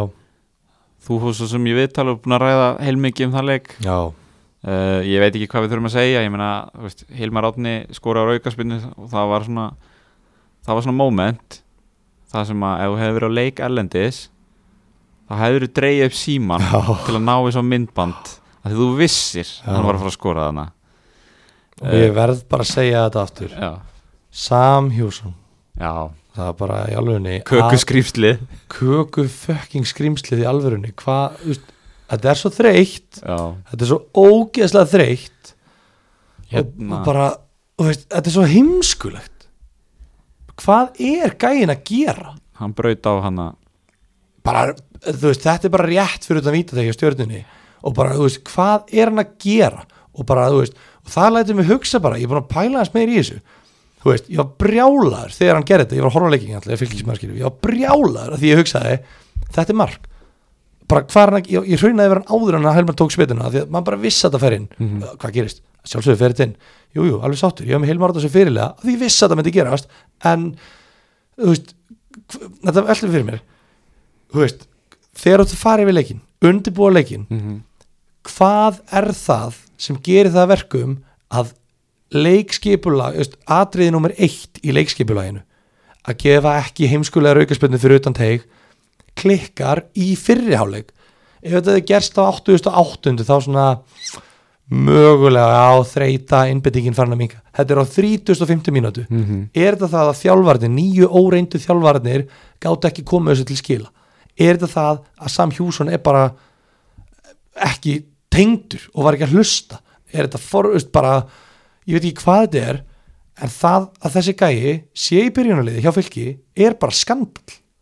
Já, það er bara skandal, þetta er bara þú veist, og jú, jú, maður er farin að hækka þessu rómin þetta það er smá stöðnismennagleru að komin þetta en maður hefur bara aðeins meiri skoðinu það er bara vandræðalegt að Birkir Eithórsson sé ekki að byrja ná staðin fyrir sam hann kemur inn á hann fyrir bakkurinn, Birgir það er bara góður, Já, bara mjög góður og solid og bara það fór enginn fram hjá honum hann misti ekki boltan, já, mér fannst hann ekki gera neitt rámt nei og svo kemur önnur skipting og hann er færður upp á kantinn og Arnogauti kemur inn á sem sagt, litli Arnogauti úr Já. Mósilsbænum, Jón- ekki Jónsson. stóri Arnogauti úr Mósilsbænum, Já. það er bara fárnátt að vera með tvo Arnogauta úr Mósilsbænum en hérna, litli Arnogauti kemur Já. inn á réð ekkert við verkefnið allt of, allt of, allt of óreindur og ótilbúinn var bara að spila þetta sem hafsend og bara þú veist, eh, þú veist ég- þeir hefðu átt að herja miklu meira á þetta stjarnumenn en bara, já, ég er bara rosalega óanaði með það að Birkir Eithórsson sé ekki Hann er flokkað sem miðjumæður í, í Fantasí já, og þetta er þetta ekkert umræða sem við ættum að vera að taka hérna sem fantasy podcast að því að Nei. hann er náttúrulega hann er náttúrulega bara síðasta sem ég er að fara að gera er að fara að kaupa Birki Eithórsson í fantasy liðið mitt Já, en þetta er bara svo pyrrandi meira sem er pyrrandi já, uh, Jair Parfit Williams heitir hann ekki, Parfit Williams já ömurlegur, Hann gæti ekkert ekki það ekki bara það, Já. hann var ömurlegur í, í æfingarleikjunum fyrir norðan þeir fóru fyrir þennan norður á móti, kefta á móti Káa og Þór, Mhm. hann gata ekkert hann var ömurlegur í æfingarleikjunum á móti Val og hann var ömurlegur í æfingarleikjunum á móti nei, í, nei æfingarleik, já, í þessum leikum á móti stjörnunni Já, og, þú, og ég bara velti því fyrir mér og ég hef svo oft pælt í þessu hvað ætla maður að lifa lengi á því að hafa verið í Vestham eða hafa verið í Mannjú því við erum með tvo ömurlega leikmenn sem voru í úrvalstelda liðum geðveikt já, einhverjum akademíum og eitthvað Og sko, jú, jú, ég skal alveg gefa tjær fleiri tækifæri, mm Mhm. þegar menn tala um hann á æfingum eins og hann sé bara algjör skepna Já. og ég get alveg trúa því, hann sé Já. bara ógeðslega góður en þú verður að sína það í leikjum og hann fær ekkert meira en svona fjóra leiki til að sína þetta Fyrir mér þá var sko vandamálið eiginlega meira bara hvað fylgir sem lið voru ekki góðir Já, uh, og það kom náttúrulega þá bara lið, niður á, á hérna, matimanns á framistu einstakar leikmanna sko. já, já, þú veist að hérna, ég meina Valdimar skorar þarna eftir mínútu og þá var maður strax bara, oh, hverju seldi ég hennan gæja nákvæmlega hann skot hans uh, en svo bara gerði fylgir ekkit mikið meira í leiknum Arn og Gauti og kraftur í honum fram á við Já, já, og hérna en þú veist m- mér fannst þeir bara líta ill út og ég er ekki spenntu fyrir að kaupa neitt í liðinu bara engan Eina jákvæða er þetta mögulega getur Aron fengið einhverja einhverja svona fjölmila væna umfjöllun skilur þú veist að hérna, mögulega fær hann 20 skot á sig í leik og getur varðið já, já, já, slefa kannski bónus þannig að þá kannski er ég að fá fjögur fimm stig fyrir hann en ekki tvö já, þú veist en bara varnalega líka þú veist, f- raggi fimm meittur út af í fjóra til átta vikur já, kinnbensbrotin sko þú veist, jú, jú Daniel Axtel hann er að reyna að fara í bolt en þetta er bara svo glórulaust Já. þetta er svo ógeðslega heimskulegt og bara hann er bara búin að taka út gæja bara í tvo mánuði fylgi bara fyrirliðin er farin og þú sást, veist, ég meina hver verður hægri bakverður í næsta leik, þetta er rosalegt bakvarðarvesen hjá það er fylki, einmitt spurningin sem ég ætlaði að fara að koma með sko. rosalegt vesen sko, þú veist, þú ert með bara já, þú veist já, ég ætla ekki að fara eitthvað of mikið út í það hérna sem fylgis maður skilur Mhm. mm. að mér finnst það bara ekki sangjart kakvart skilur maður vill hafa svolítið, hl- reyna að vera svolítið hlutlösa umfjöldin já, skilur já, já. en hérna, það er vesen á þeim og þetta verður áhugavert að sjá ég held að þetta sé ekki að styrkja varnarleikin Nei, Ólafur Ingi Skúlason komin í bann líka er hann fann í tveggjarleiki banna því þetta var fyrir gróan leik eða? ég veit ekki hvort það sé búið að taka það fyrir sko, eða þú veist hvernig reglunar eru held hann fari í mann ekki, jú, alltaf sé ekki að lítur að vera tveggjarleiki bann Já, en þetta var mjög þú veist, þetta var bara heimskulegt já, já, og bara mjög óþroskað einhvern veginn já, bara ljó, með við þennan leikmann sko, sérstaklega ljótækling og hann er, þú veist hver á að leysa hafsend þannig af ef að gerist eitthvað skilur Já. ef að hérna Orri eða Ásker Eithors meiðast Óli Skúla hefur verið að fara í hafsendin hvað nú skilur veist, ég veit það ekki, en Nei. allavega bara þú veist það, það er ekkert valjú í einum einasta fylgismanni Valdimar Þór Ingimandarsson fyrir meittir út af eða, eða eitthvað tæpur, eitthvað hann er allavega tekin út af og þeir taka hann ekki út af nema að sé eitthvað aðanum út af þetta er langbesti leikmaðurinn í fylgisliðinu uh, hann er á 8 miljónir að skora því Já, en hann, þú veist, ég held bara að sé ekki sustainable fyrir hann að geta borið þetta lið á herðum sér þannig að ég vil bara fá Castelljón í fylki núna já og þá getum við mögulega að fara að tala eitthvað saman Uh, Þórður Gunnar Hafþórsson byrjar á kantinum já,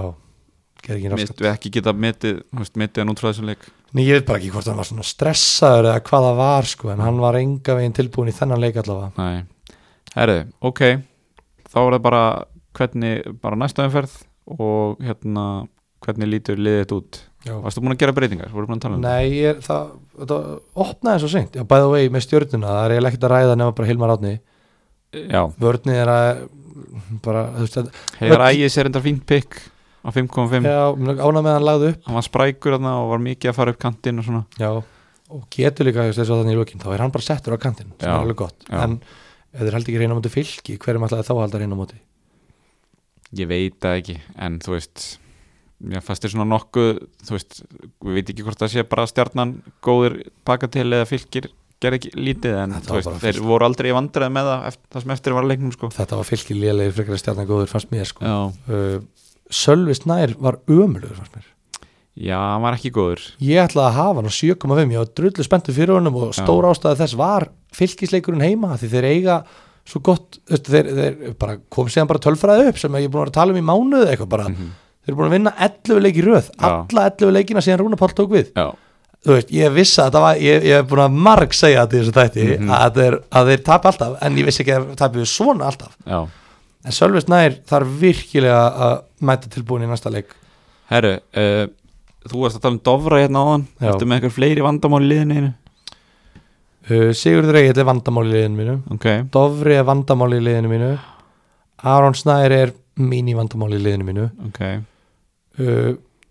svo eru bara svona öðruvísi vandamál eins og þú veist, það er kannski bara vandamál að vera ekki með Stephen Lennon Já, það er kannski bara vandamál að vera ekki með Óta Magnús, skilur já, við, þú veist, já, já, það er svona meira þannig vandamál í íslensku deildinni já, já, þið fantast í, í ennska bóltan þá ertu með svo marga leikmenn já,